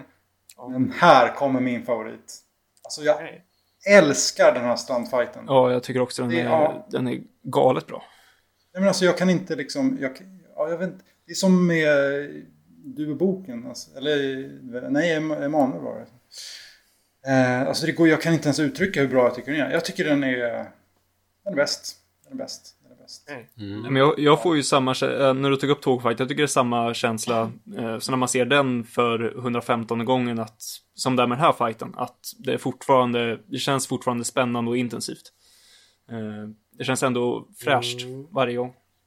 Ja, verkligen Du, du eh, Jag är, jag, är inte, jag är inte fullt så lyrisk som ni. Jag, gillar, jag gillar alltså ljussättningen, allt från att filmen börjar till vi kommer hit så är ljussättningen sjukt snygg. Allt är, allt är liksom snyggt tycker jag. Och sen blir det liksom lite så här tekniska fadäser att de helt plötsligt är uppe på stranden och sen i vattnet igen och sen uppe på stranden igen. Alltså att de ena slaget, slaget måttas och då står de i vattnet. Slaget träffar, då är de fyra meter från vattenkanten. Det är ganska lätta saker att fixa kan man tycka. Så Alltså- det, det är sånt jag kan störa mig på. Det känns mer beskrivande av den interna känslan att faktiskt vara med i en sån här pass intensiv fight än att de faktiskt visar en fight. För det finns ju vissa klippsystem där man använder just känslor och kameravinklar och, och intensitet för att kä- visa känslor. Och här tycker jag verkligen att den här fighten lyckas på mer än en nivå utan för det känns verkligen så pass intensivt. De snabba inzoomningarna som direkt klipper över in en ny vinkel hur Bond är helt plötsligt i vattnet. Det är sol, solen är på ena stället i ena klippningen och i nästa i den andra änden av skärmen det går fort och de bryr sig inte om geografin utan det enda Peter Hunt verkar vilja förmedla det är just känslan och intensiteten av en fight i den här i den här stilen och det tycker jag han lyckas väldigt, väldigt bra med Jag håller med. Jag, jag älskar det. Jag, jag köper det att, det, ja, att det blir lite hopp eh, ner i vattnet och så vidare. För det är precis som, eh, som, som du säger, det blir en, eh, en så jäkla skön känsla i fighten. mm. Men Det är lite samma problem som jag har med, med en film längre fram i serien, ganska långt fram i serien också. Eh, det, jag, har kallat den, jag har kallat den 2000-talet eh, i Hennes Majestäts Hemliga Tjänst. Men den kommer vi till sen. Det är nog lite samma problem jag har där, att känslan där ska vara att man är med i fighterna, att man är med i actionet och man ska inte riktigt se vad som händer. Det ska mer vara intensivt istället för att vara beskrivande. Och därför gillar jag From Russia With Love fighten ofantligt mycket mer. Eftersom man ändå känner både intensiteten och att man är med. Eh, Så den gillar jag mer. Jag, jag, tycker jag, ändå, jag, jag tycker jag kan följa vad som händer och det liksom, visst det går undan. Men jag, jag är liksom med fighten hela vägen. Och mycket tror jag också att göra med är ljudet. Alltså de där smockorna låter som att de gör för helvete ont. Ja, det är ju vatten, vattnet som gör det. Jag vet inte riktigt vem som gjorde ljudet på, på i Hennes Majestäts faktiskt. Men Nej, det är ju... Alltså sla, slagen i Bond-världen överlag brukar vara ganska hårda. Om man ska vara snöa in sig lite på det. Men det, det kan jag hålla med om. Ljudbilden, både musiken och ljudet är ju fantastiskt bra. Det, så, så är det ju bara. Så den är, den är bra. Den är bra men ja, inte så bra. Ja, och så när han klappar till den där killen med åran. Det är också så här. Mm. Man sitter och skruvar på sig för det ser ut att göra så jävla ont. Ja, men han är ju imponerande i, i fysiska scenerna, i fighterna och så. Det är han ju verkligen. Jag gillar, jag gillar inte när det gör ont, men när det ser ut Ja, ja. Ingen BDSM för Eh. Rickard alltså. Nej, det, jag har inte testat. så Jag kan vara öppen, men Det, jag, jag ska det, inte säga för det, är en annan, det är en annan podd som du och jag får köra. Rickard. Det här vet jag ingenting om. Ja, BDSM-podden. ja. Är Ja, och sen för att knyta ihop den här pre-titan så är det, jag, ja, överdriva nu kanske man säger att en av de mest kontroversiella linesen sett till vilken diskussion det har skapat hur man ska tolka den. Eh, jag tänker på det här, this never happened to the other fella. Um, nej men eh, den linen, alltså han bryter väl bara, det är väl, vad kallar man det, the fourth wall. Ja, Han pratar till publiken. Ja. Typ. Ja, exakt. Kan man tolka den på något annat sätt? I och med att jag läste boken första gången så tolkar jag det som att han syftar på Tracys förra man Eh, att han, för att det, det berättar de ju lite smått om i filmen att han drog iväg och dog med sin med sin älskare på sidan, ja precis, med sin älskarinna på sidan av. Och då tolkar jag det som att att Bond vet någonting om Tracy sedan tidigare och att hon stack inte ifrån honom men att hon gör det från Bond men eh, ja, det, var, det, är så jag, det är så jag alltid tolkar filmen att han syftar på Tracys äh, älstrare. Ja, fast det, så I, kan film, ju inte vara I filmen är det ju uppenbart Connery han menar. Ja, men jag väljer, att tolka, jag väljer att tolka den på, på det viset. För det jag menar att den har skapat diskussioner är ju att det finns eh, några personer som har, eh, det finns några personer som har helt fel. Eh, Som vill mena att eh, Bond bara är ett namn på en agent som olika personer tar det namnet. För att försöka som, en binda ihop. tit, som en titel eller så liksom. Ska vi ha den Ja, diskussionen? exakt. Som, som, som ett slags... eh, Nej, vi ska inte ha den diskussionen, men de åberopar ju ofta just, de åberopar just den linen Ja. från Lazenby Där. för att förklara att det är så är. Anton, vill, då, Tyst! Anton, släng in min bullshit. Nej! 007 är inget kod... eh, Bond är inget kodord. Namn. Fan! 007 och Bond är inget kodnamn. Nej, det är inte det. Kommer aldrig vara det. Alltså grejen är, att grejen är, det. jag tycker det, det, det som är märkligt, det är ju, alltså för att såga ner deras, alla som lyssnar nu och tror att det är ett kod, kodnamn som en person har och, och hela tiden, det är att det är samma människa. Eller att det är olika människor menar jag. alla som sitter och lyssnar och tror det, då är det ju väldigt märkligt att Roger Moores Bond skulle gå och besöka en annan mans gravstens, eh, frus gravsten. Det vore ju väldigt konstigt i, Ja. i eh, For Your Eyes Only till exempel. Och prata om henne och... Vem, Ja. ja. och vem är Timothy Dalton? Vem, vem har han varit gift Ja, med? exakt. Crazy, som de pratar om. Jag vet, men det, License to kill. och då, därför liksom kommer det tillbaka till den här linen i den här filmen. Hade de inte haft den kanske vi hade sluppit den diskussionen. Herregud. Leta Mahori var ju en proponent för den teorin och han trodde ju att Bond var ett kodord och han försökte ju, han, han tolkar karaktären som en av fem personer när han gjorde Dine of the Day och att den mannen fick komma i närheten av att göra en Bond-film enbart för den bara för att han tror på den teorin är helt sanslöst Han ville ju få in det på något sätt i den filmen men producenterna sköt ner det. han vill ju ha Bara, mer, han vill ju ha mer om med det. tidigare fyra Bondarna och referera dem som tidigare Bondar Ja, då är det ju konstigt att inte Fleming nämnde det då i böckerna. Om, han, om det nu var ett kodord, då skulle han kunna byta ut det och göra någon notion i, i böckerna om att det var så. För så Det är, är liksom, det inte. man, man, man kan inte sitta och tro att en filmserie som pågått i liksom 50 år, att det ska finnas någon kontinuitet mellan vem som spelar huvudrollskaraktären. Nej. Alltså, det är bara att inse att det är inte en, det finns ingen logisk timeline att följa. Men det är samma karaktär. Det är bara att han är placerad i olika Det är ju tidsepoker. film. Ja. Det är ju film. Man ska inte, man ska, Det ska inte alltid vara logiskt. Det ska inte alltid vara verklighetstroget som- heller. Som folk som är förbannade att Judi Dench är med i både Brosnans Mm. och Craigs filmer. Alltså det spelar ingen roll. Det är inte samma... Det, är- åh, Vi kan, vi inte. kan väl säga så här. Det är samma sak med Nu- Batman. Det är fler personer som spelar Batman. Det är inte bara ett, det är inte bara ett ja. kodnamn. Ja, exakt. Så- Man, man behöver vänta ganska exakt 7,5 sekunder för att sen komma in i titelsekvensen och se bilder från Sean Connerys Ja. Bond-filmer och se att det är samma Bond som George Lazenby vilket då är samma Bond som de senare Och därför lämnar vi det och börjar snacka om förtexterna istället. Ja, titelsekvensen Ja. är, den är, det, uff vad bra musik det är, men det kommer jag ta upp sen. Uff, vad den sitter som en smäck. Ja. Alltså, Den gör hela titelsekvensen för mig. Aldrig så mycket har en titelsekvens gjorts av musiken. nu är jag igång. Ja, Förlåt, jag ska tagga ner lite. Nej, kör! Ja, men för nu är det här, ja, för det, det här är den snu bästa titelsekvensen. Tycker jag. Mm. Det är bara så. Alltså, och nu, man blir influerad av musiken. Men den, har, den är så snygg med det liksom blåa temat och de här silhuetttjejerna. Och timglaset och klockan. Mm. Det, är, det är så snyggt. Alltså, enkelt. Det jag, som- det jag älskar, det är ju först när, eller först, men det är när de här två kvinnliga silhuetterna delas och ställer sig på knä och så kommer, Och så uff, så kommer kronan Oh. ner. Nej, det där är, uff, det är den, det är den symbolen som jag tänker på när jag tänker på den här filmen. Eftersom Mm, den är ändå ja. rätt så här signifikativ för filmen. Men ehm, ja, jag tycker det är så. Jag är inte något stort fan direkt av titelscen, titelsekvensen som sådan, designen och så. Den är väl helt okej. Det är Binder liksom, han, han vet vad han gör. Men det, det är fortfarande, uff, musiken gör allt. Den sätter liksom, Ja, ja, men det är ju, jag vet att det är mycket till musiken, men estetiskt tycker jag den också är Mm, snygg. mm. Och jag tycker faktiskt att det funkar med det här timglaset och med gamla bilder. Eller är det bara jag som köper det? Jag nej, jag köper det också. Bara det inte är klipp från filmen som kommer. Som det var i Goldfinger. då. Ja, det är ju det, ja, det här är väl den bästa titelsekvensen. Med reservation för att jag kanske kommer ändra mig senare men rent spontant så är det just den blåa färgen och hur de blandar in Union Jack hur Bond hänger på klockan som snurras tillbaka. Ja, det visar att Bond hänger med i tiden och att här får vi se att den här Bond är samma som förut, ingenting har förändrats.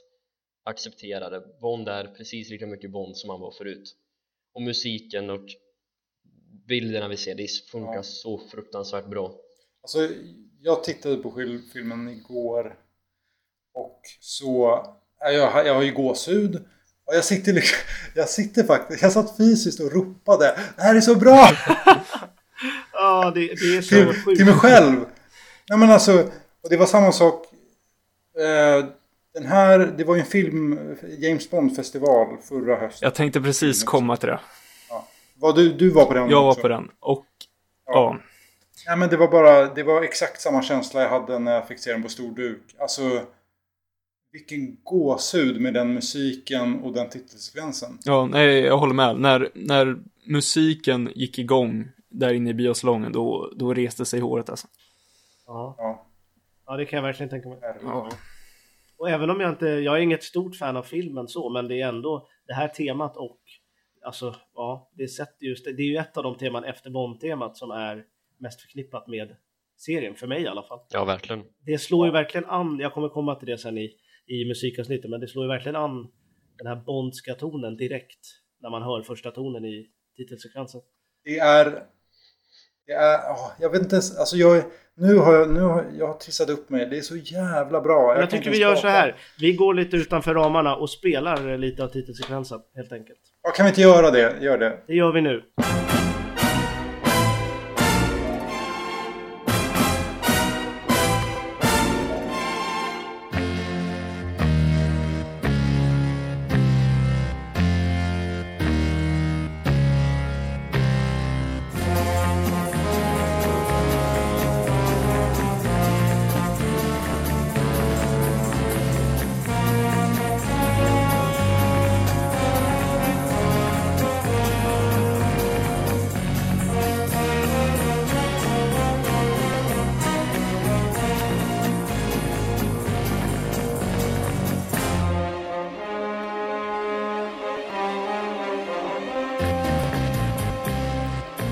Säger jag, alltså det här Nu ska, är... Dina åsikter ska njutas ur munnen nu Rickard.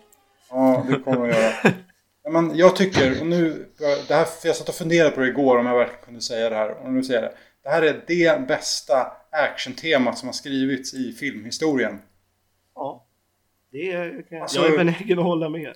Det, det, det, jag kan inte säga att det är det bästa liksom, Temat. temat Nej, nej. överlag. Nej. För det finns så många bra teman. Ja. Men det här, alltså det, det är så perfekt i alla, i alla actionsekvenser i den här filmen. Och i titelsekvensen så är det ju, det är ju gåshud. Ja. Ja, Ja, det, det är är, så bra. det är verkligen 10 av 10. Ja, ja, ja Nej, det är definitivt. 20 av 10. Det är 23 av Mm. 10. Ja, men det är, det Det är är liksom... 200 procent. Jag skulle stå, nu skulle jag inte kasta ner folk från Älvsborgsbron. Jag skulle stå och skjuta fyrverkerier från Älvsborgsbron för att det är så bra. Det är, ja, det är mums filibabba bara. Nej, jag vill, och nu blir det hyllningspodd, Ja. men jag, men, jag menar verkligen, jag menar att Ja. jag, jag är, Ja, jag menar inget det här är den, nej, men det här är liksom det enskilda, en, den en, mest, fan vad så prat, jag vet inte ens, jag kan inte prata längre. Det här är enskilt den låten jag har lyssnat på mest av alla spår som finns. Den, jag, jag vet att jag, jag kunde nynna på den här innan jag liksom, efter jag sett filmen, min kompis och jag stod på tunnelbanan stationer och nynnade på den. Liksom. Det Alltså, är den har rätt. alltid funnits. Jag har alltid, Det är, ju, det är ju rätt enkelt liksom ändå. Det är bara fyra toner Ja. i basgången liksom. Det, det, det, det är ju det riffet, Ja. alltså Mm. Moog-synten som... Uff, det är som bra. har för, ja, ni kan få prata, jag ska vara tyst. Nej, men det är liksom det jag kan förstå det bästa filmtemat är svårt att se. Det finns ju liksom en ett tiotal skrivna av John Williams och lika många av Morricone och lite andra gubbar som har skrivit bra musik så det är ju svårt att säga att det är bästa filmtemat. Det, det skulle inte jag säga heller. Men ett av de bästa actionteman är det definitivt. Det, det sitter som gjutet Mm. i, i, i filmen framförallt men också i Bond-serien överlag. Nej, nu blev det hyllningspodd. och så känns det alltid lika fräscht att lyssna på när man sätter igång den Ja, nej, som, eh, som titellåt, det är ingen låt, men alltså som musik under förtexterna. Så är det här, jag har ju sagt tidigare, jag har fyra låtar som jag tycker är lika bra, jag har svårt och det här är en utav dem. Det här är ju, ja det är galet bra. Mästerligt. Ja. Det är mästerligt. Internationell klass faktiskt. Ja. Det är det. mm. Eh, Ja. Den här och Thunderball och två till. Och de kommer Ja. vi till. Ja, ja. Eh, Ska vi försöka ta oss vidare? Det tycker jag. Och då tar vi oss eh, till eh, kasinot. Ja, Va? Eh, ja just det. Ja, det gör vi. Ja, eller hotellet. Ja. hotellet. Hotellet slash kasino. Hotell slash kasino. Ja, jag, jag tycker om det bland det fulaste han haft på sig för övrigt. Bond, tycker jag. Den här Vad krämfärgade, har han på sig här krämfärgade kostymen eh, med någon rosa skjorta och gul slips. Ja. Det ser ut som att någon färgblind snubbe har kostymerat honom eller något.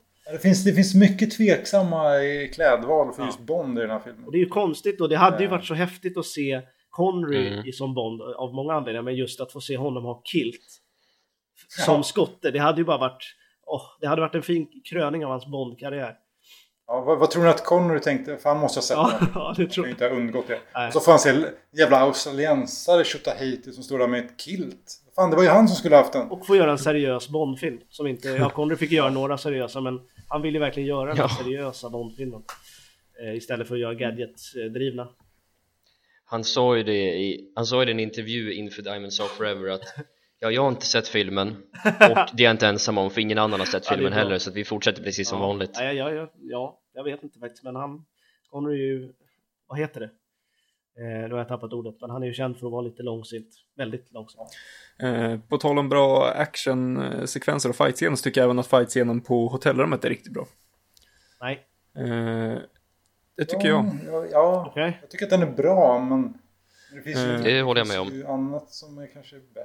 Ja, den är bra. Ja, det, fin- det finns ju givetvis bättre, men den är ändå väldigt bra. Jag tycker att den, ska, man jämföra andra med Connery så eh, tycker jag att den här är bättre än flera av Connerys fighter. Eh, och eh. Lazenby, det är ju lite av det han gör bra också. Fight, Ja. fight-scener. Ja, Han är fysisk Han är ju och- bra i fightscenerna, Ja. men det är ju, det är ju liksom... Jag, jag tycker till exempel... Jag, jag tycker varken den här är dålig eller bra. Jag tycker fighten i Only Live Twice till exempel på Osatos kontor är bättre än den här. Eh, dels för att den, ja, den, man, den, den känns bättre. väl. Jag gillar den. Jag tycker de är Ja, jag, ty- ja, jag, på samma nivå, jag tycker fast nog helt den- olika. ja, jag tycker nog den här är bättre faktiskt. Men bägge två är bra. För att vara en liten scen som egentligen inte tillför någonting till filmen så är den väldigt bra Mm. koordinerad och filmad Ja.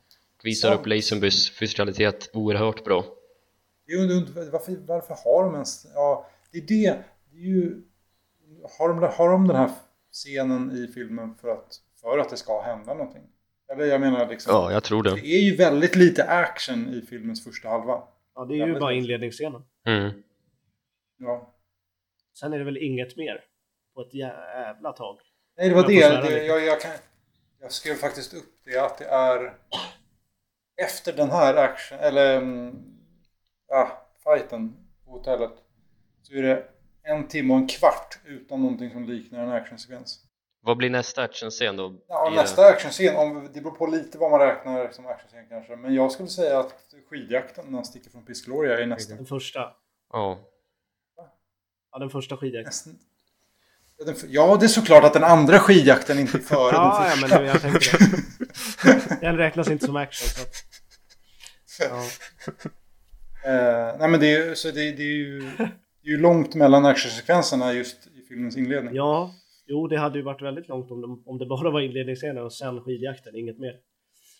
Men Ja. det är ju, det är ju också på, rätta mig om jag har fel, men det är väl på Tracys rum som den där mörkhyade snubben är och ska slåss med Bond. mm. För han blir ju ombedd att komma till hennes hotellrum och sen går han till sitt hotellrum där de så ligger på balkongen och snackar. Ja. Det är, hon, han är väl där, ja, jag vet inte, för att träffa någon. ja. Men det är det man inte riktigt Nej, det är det som blir lite flummigt. Det, varför? Det är ju därför han är så hård mot Tracy när de träffas Ja, sen. han tror att hon... Att han tror att det är hon som har... Men det är väl Dra- Det är Draco som för, har... för det är ju hans män som även i början på stranden och ska Exakt. ta Bond Ja.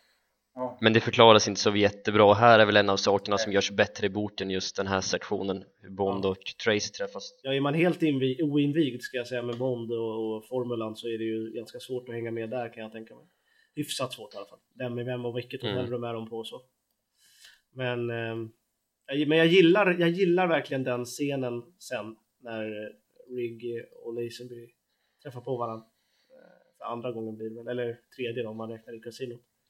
Men när hon står där i världens djupaste, ja, halvöppen eh, morgonrock, typ badrock. Han kommer in blod på, från ögonbrynet, skjorta. Ja, det är bra. Jag, hade, jag, hade, jag, jag kan bara tänka mig, drömma lite vad Connery hade gjort. En Connery i hög form i den scenen. Mot Diana Rigg som är en riktigt bra skådis. Ja, jag hade velat se det. Men jag tycker... Alltså jag, tycker alltså jag, jag tycker att Lazenby är bra här. Mm. Alltså, jag, ja. Ska vi ta en kort... Ska vi prata Lazenby? Ja, jag tycker det. När vi ändå... När jag kommer in på det. För det är ju en av de... Alltså det, det måste ni ändå hålla med om. Det är en av de anledningarna till att många sågar den här filmen. Just för att Mm. det inte är Connery. Även Absolut. idag. Men jag, und- men jag tror att folk sågar den här filmen för att de tror att den är dålig. För att de har hört Exakt. att den är det. Ja. För att just det, Lazenby, han gjorde ju bara en. Ja, han fick inte vara med med den sen liksom. Så det är bara så de Nej. tänker. Ja, Otto, du kan ju börja med din megasågning nu då.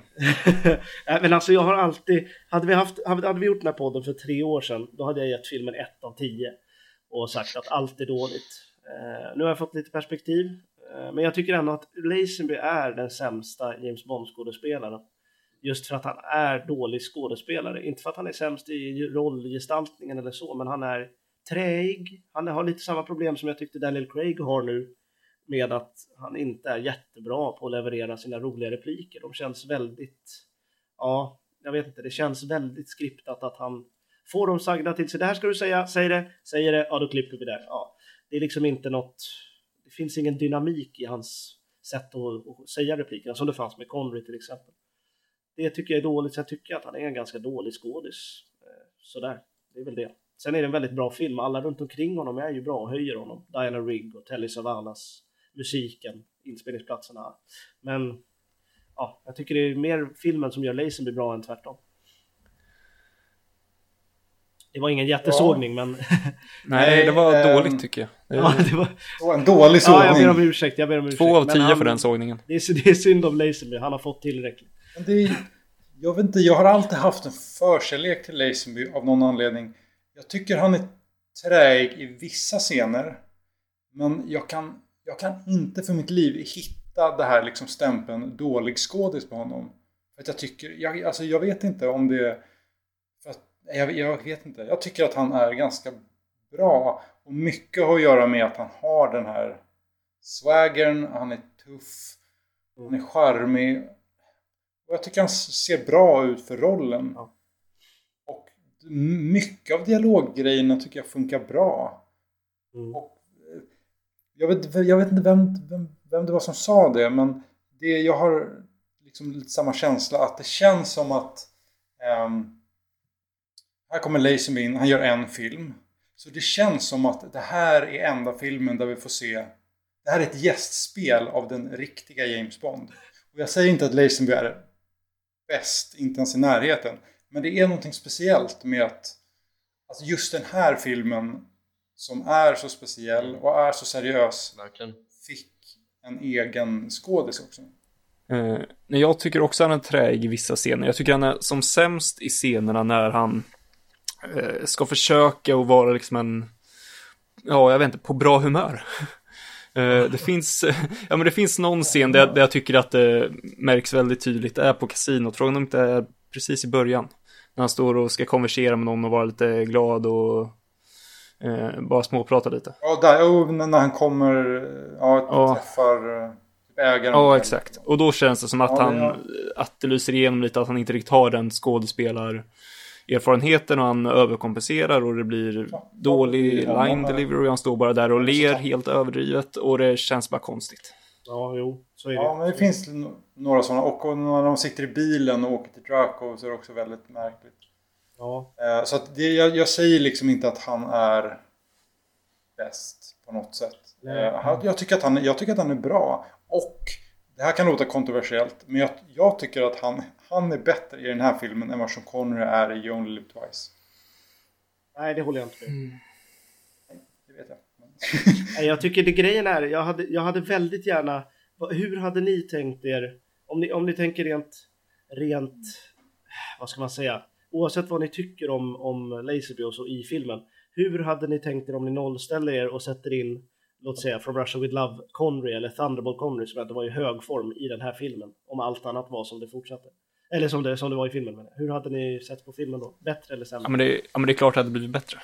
Ja. Eh, Connery är ju, Connery i hög form är ju så, alltså mycket, mycket bättre än vad Lazenby. Ja, Eh, jag tycker Lazenby är helt okej.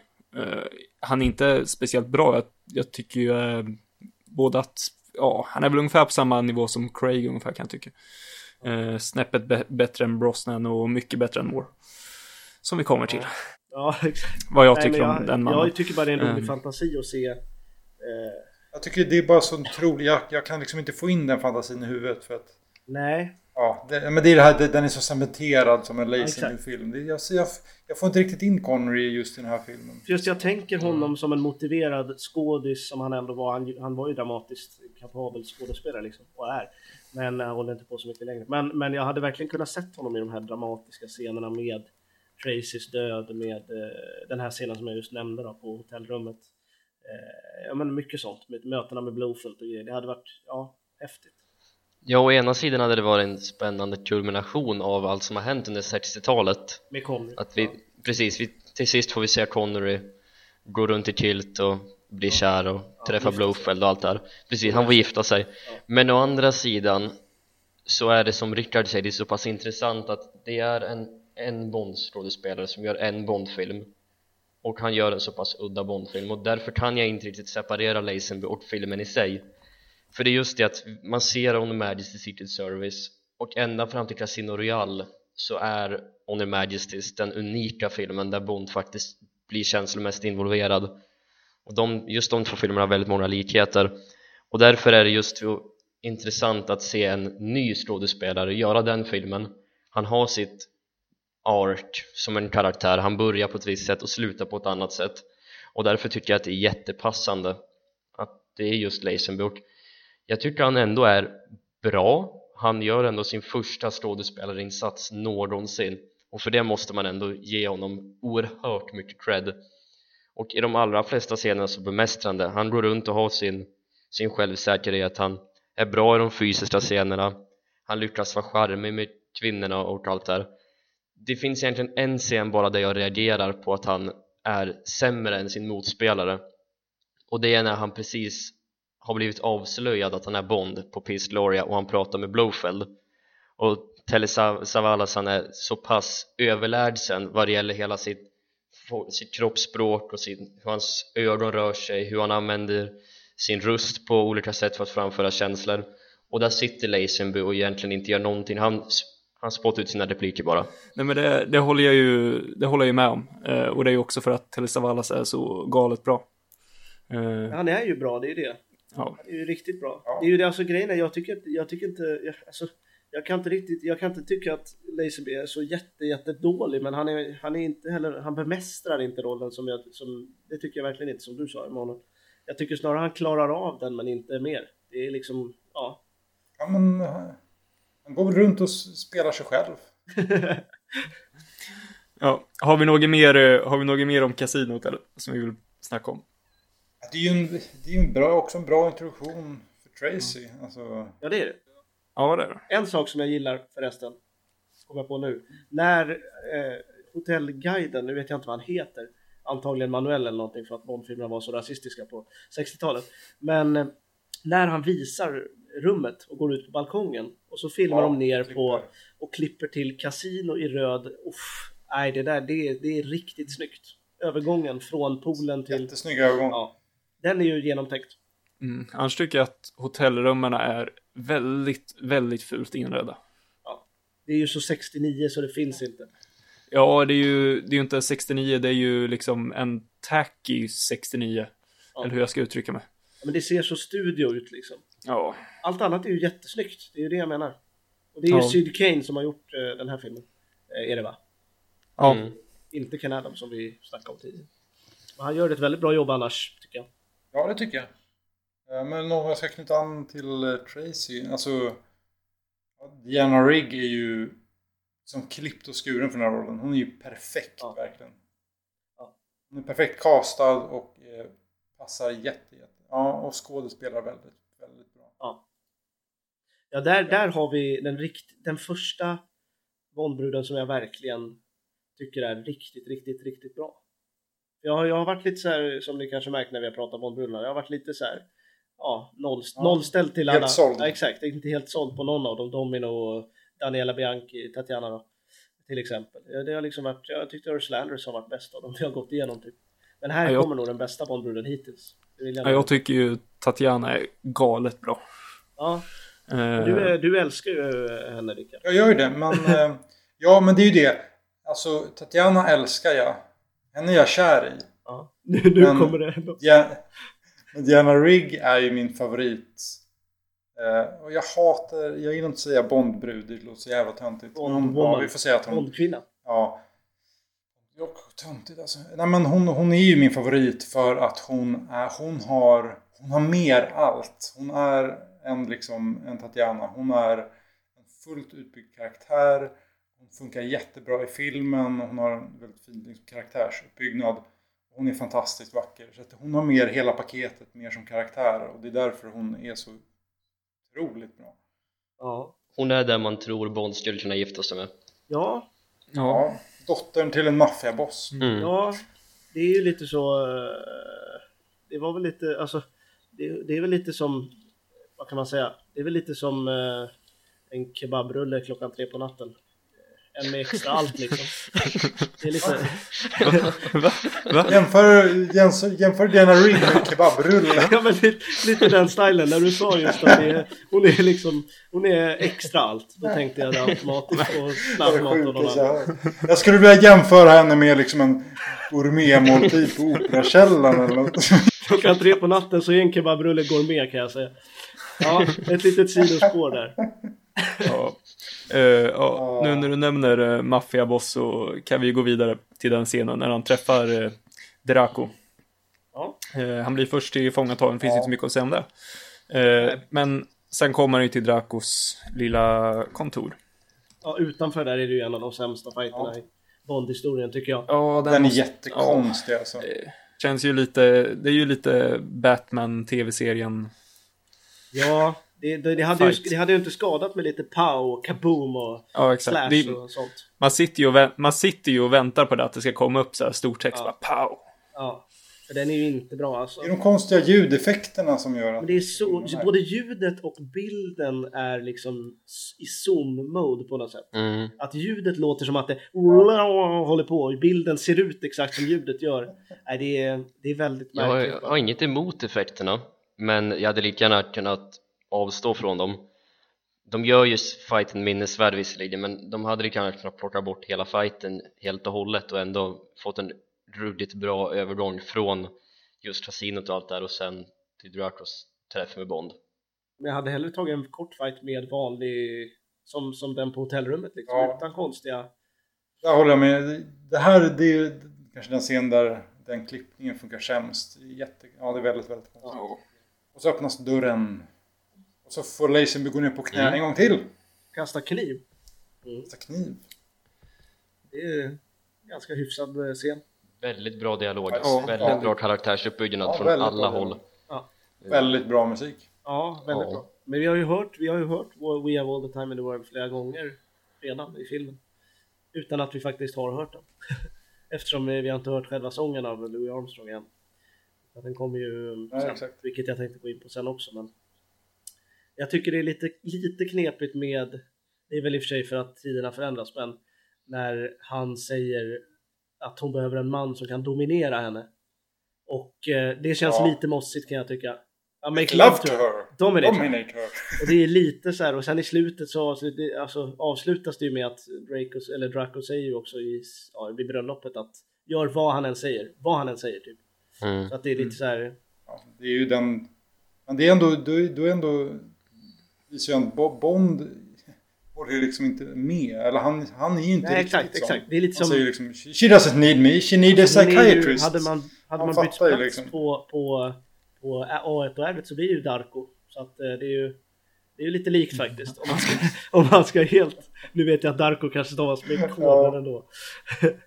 Nej, det är ju... ehm, Ja, det är lite mossigt kan jag tycka. Men Men det, det håller jag med om, det är ju lite sådär. Men i övrigt så är ju, så är ju Draco en väldigt, väldigt sympatisk och charmig Ja, ja, man gillar ju honom på något sätt ändå. Han har ju lite samma Ja. vibbar som Karin Bay på något sätt. Jag, jag gillar det. Ja, verkligen. Ja. Eh, ja, nej men det sätter ju standarden för han på, på samma sätt som det gör med Dark och Kerim. De Vad två vet- är väl kanske mina favorit eh, medhjälpare till Bond Just Ja. på grund av hur charmigt de spelas Ja. av sina skådespelare och Ja. hur pass välskrivna de är och vilken kemi de har tillsammans med den respektive James Bond-filmen Ja, jo det är det ju.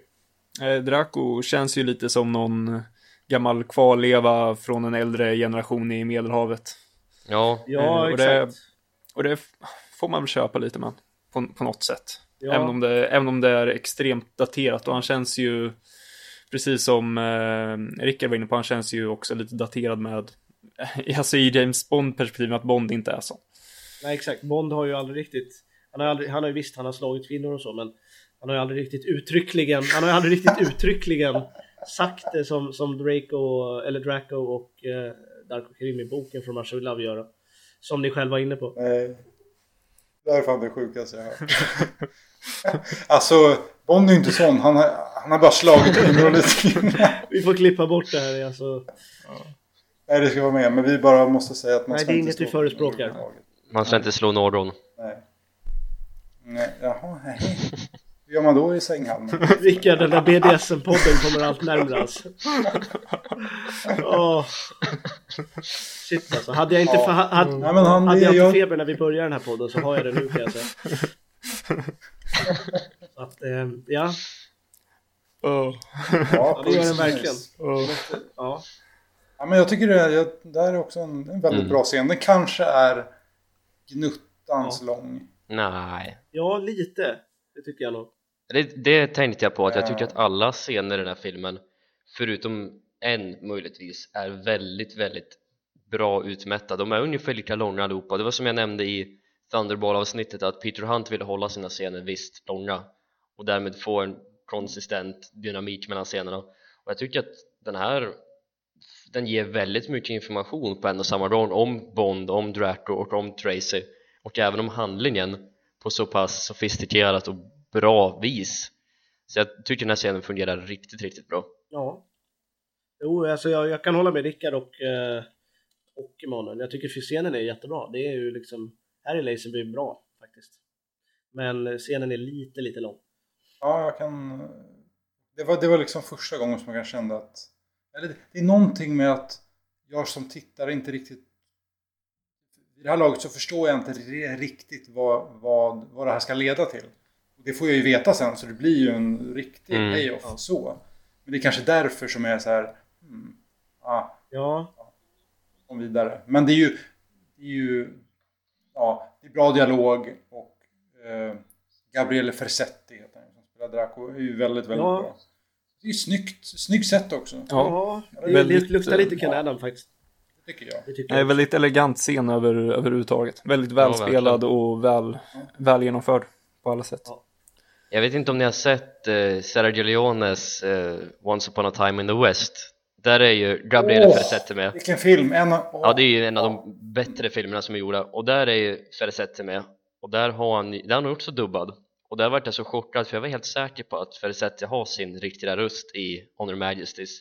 Men eh, han, han är helt dubbad i den här filmen och det var för att han kan ju Nej, kom inte med Nej men precis, det, det, var, det är jättetråkigt för att hans röst passar så jättebra tillsammans med hans utseende och sätt att spela rollen Men som jag förstår det kunde han inte engelska överhuvudtaget så att han mimade fram fonetiskt sina repliker Han försökte inte ta livet av sig i alla fall.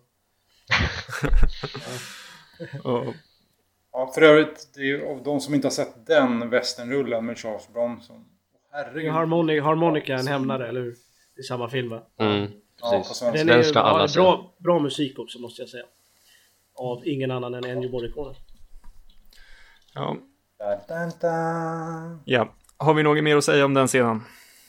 Nej. Nej, Nej. då tycker jag att vi eh, sätter paus eh, för del 1. Eh, och så hörs vi igen eh, nästa vecka, nästa söndag. När eh, del 2 kommer. Det, det blev ju väldigt, ja, det blev ju väldigt långt där så att vi får väl Ja, vi det märkte det enkelt. ganska fort att vi har knappt kommit en fjärdedel nästan i filmen. Ja, vi har väl kommit en fjärdedel typ. Vi har ganska mycket kvar. Ja. Ja, precis som filmen själv är den längsta i serien hittills så blir det här den längsta podden hittills Nästa vecka så snackar vi musik bland annat. Ja, och eh, Hoppas att ni lyssnare har överseende med hela resten av filmen. Ja, det också. Ja, vi hörs igen eh, nästa vecka för mer bröllop och släktforskning. Ja, exakt. Ha det bra. Och återseende Hej. Ha det!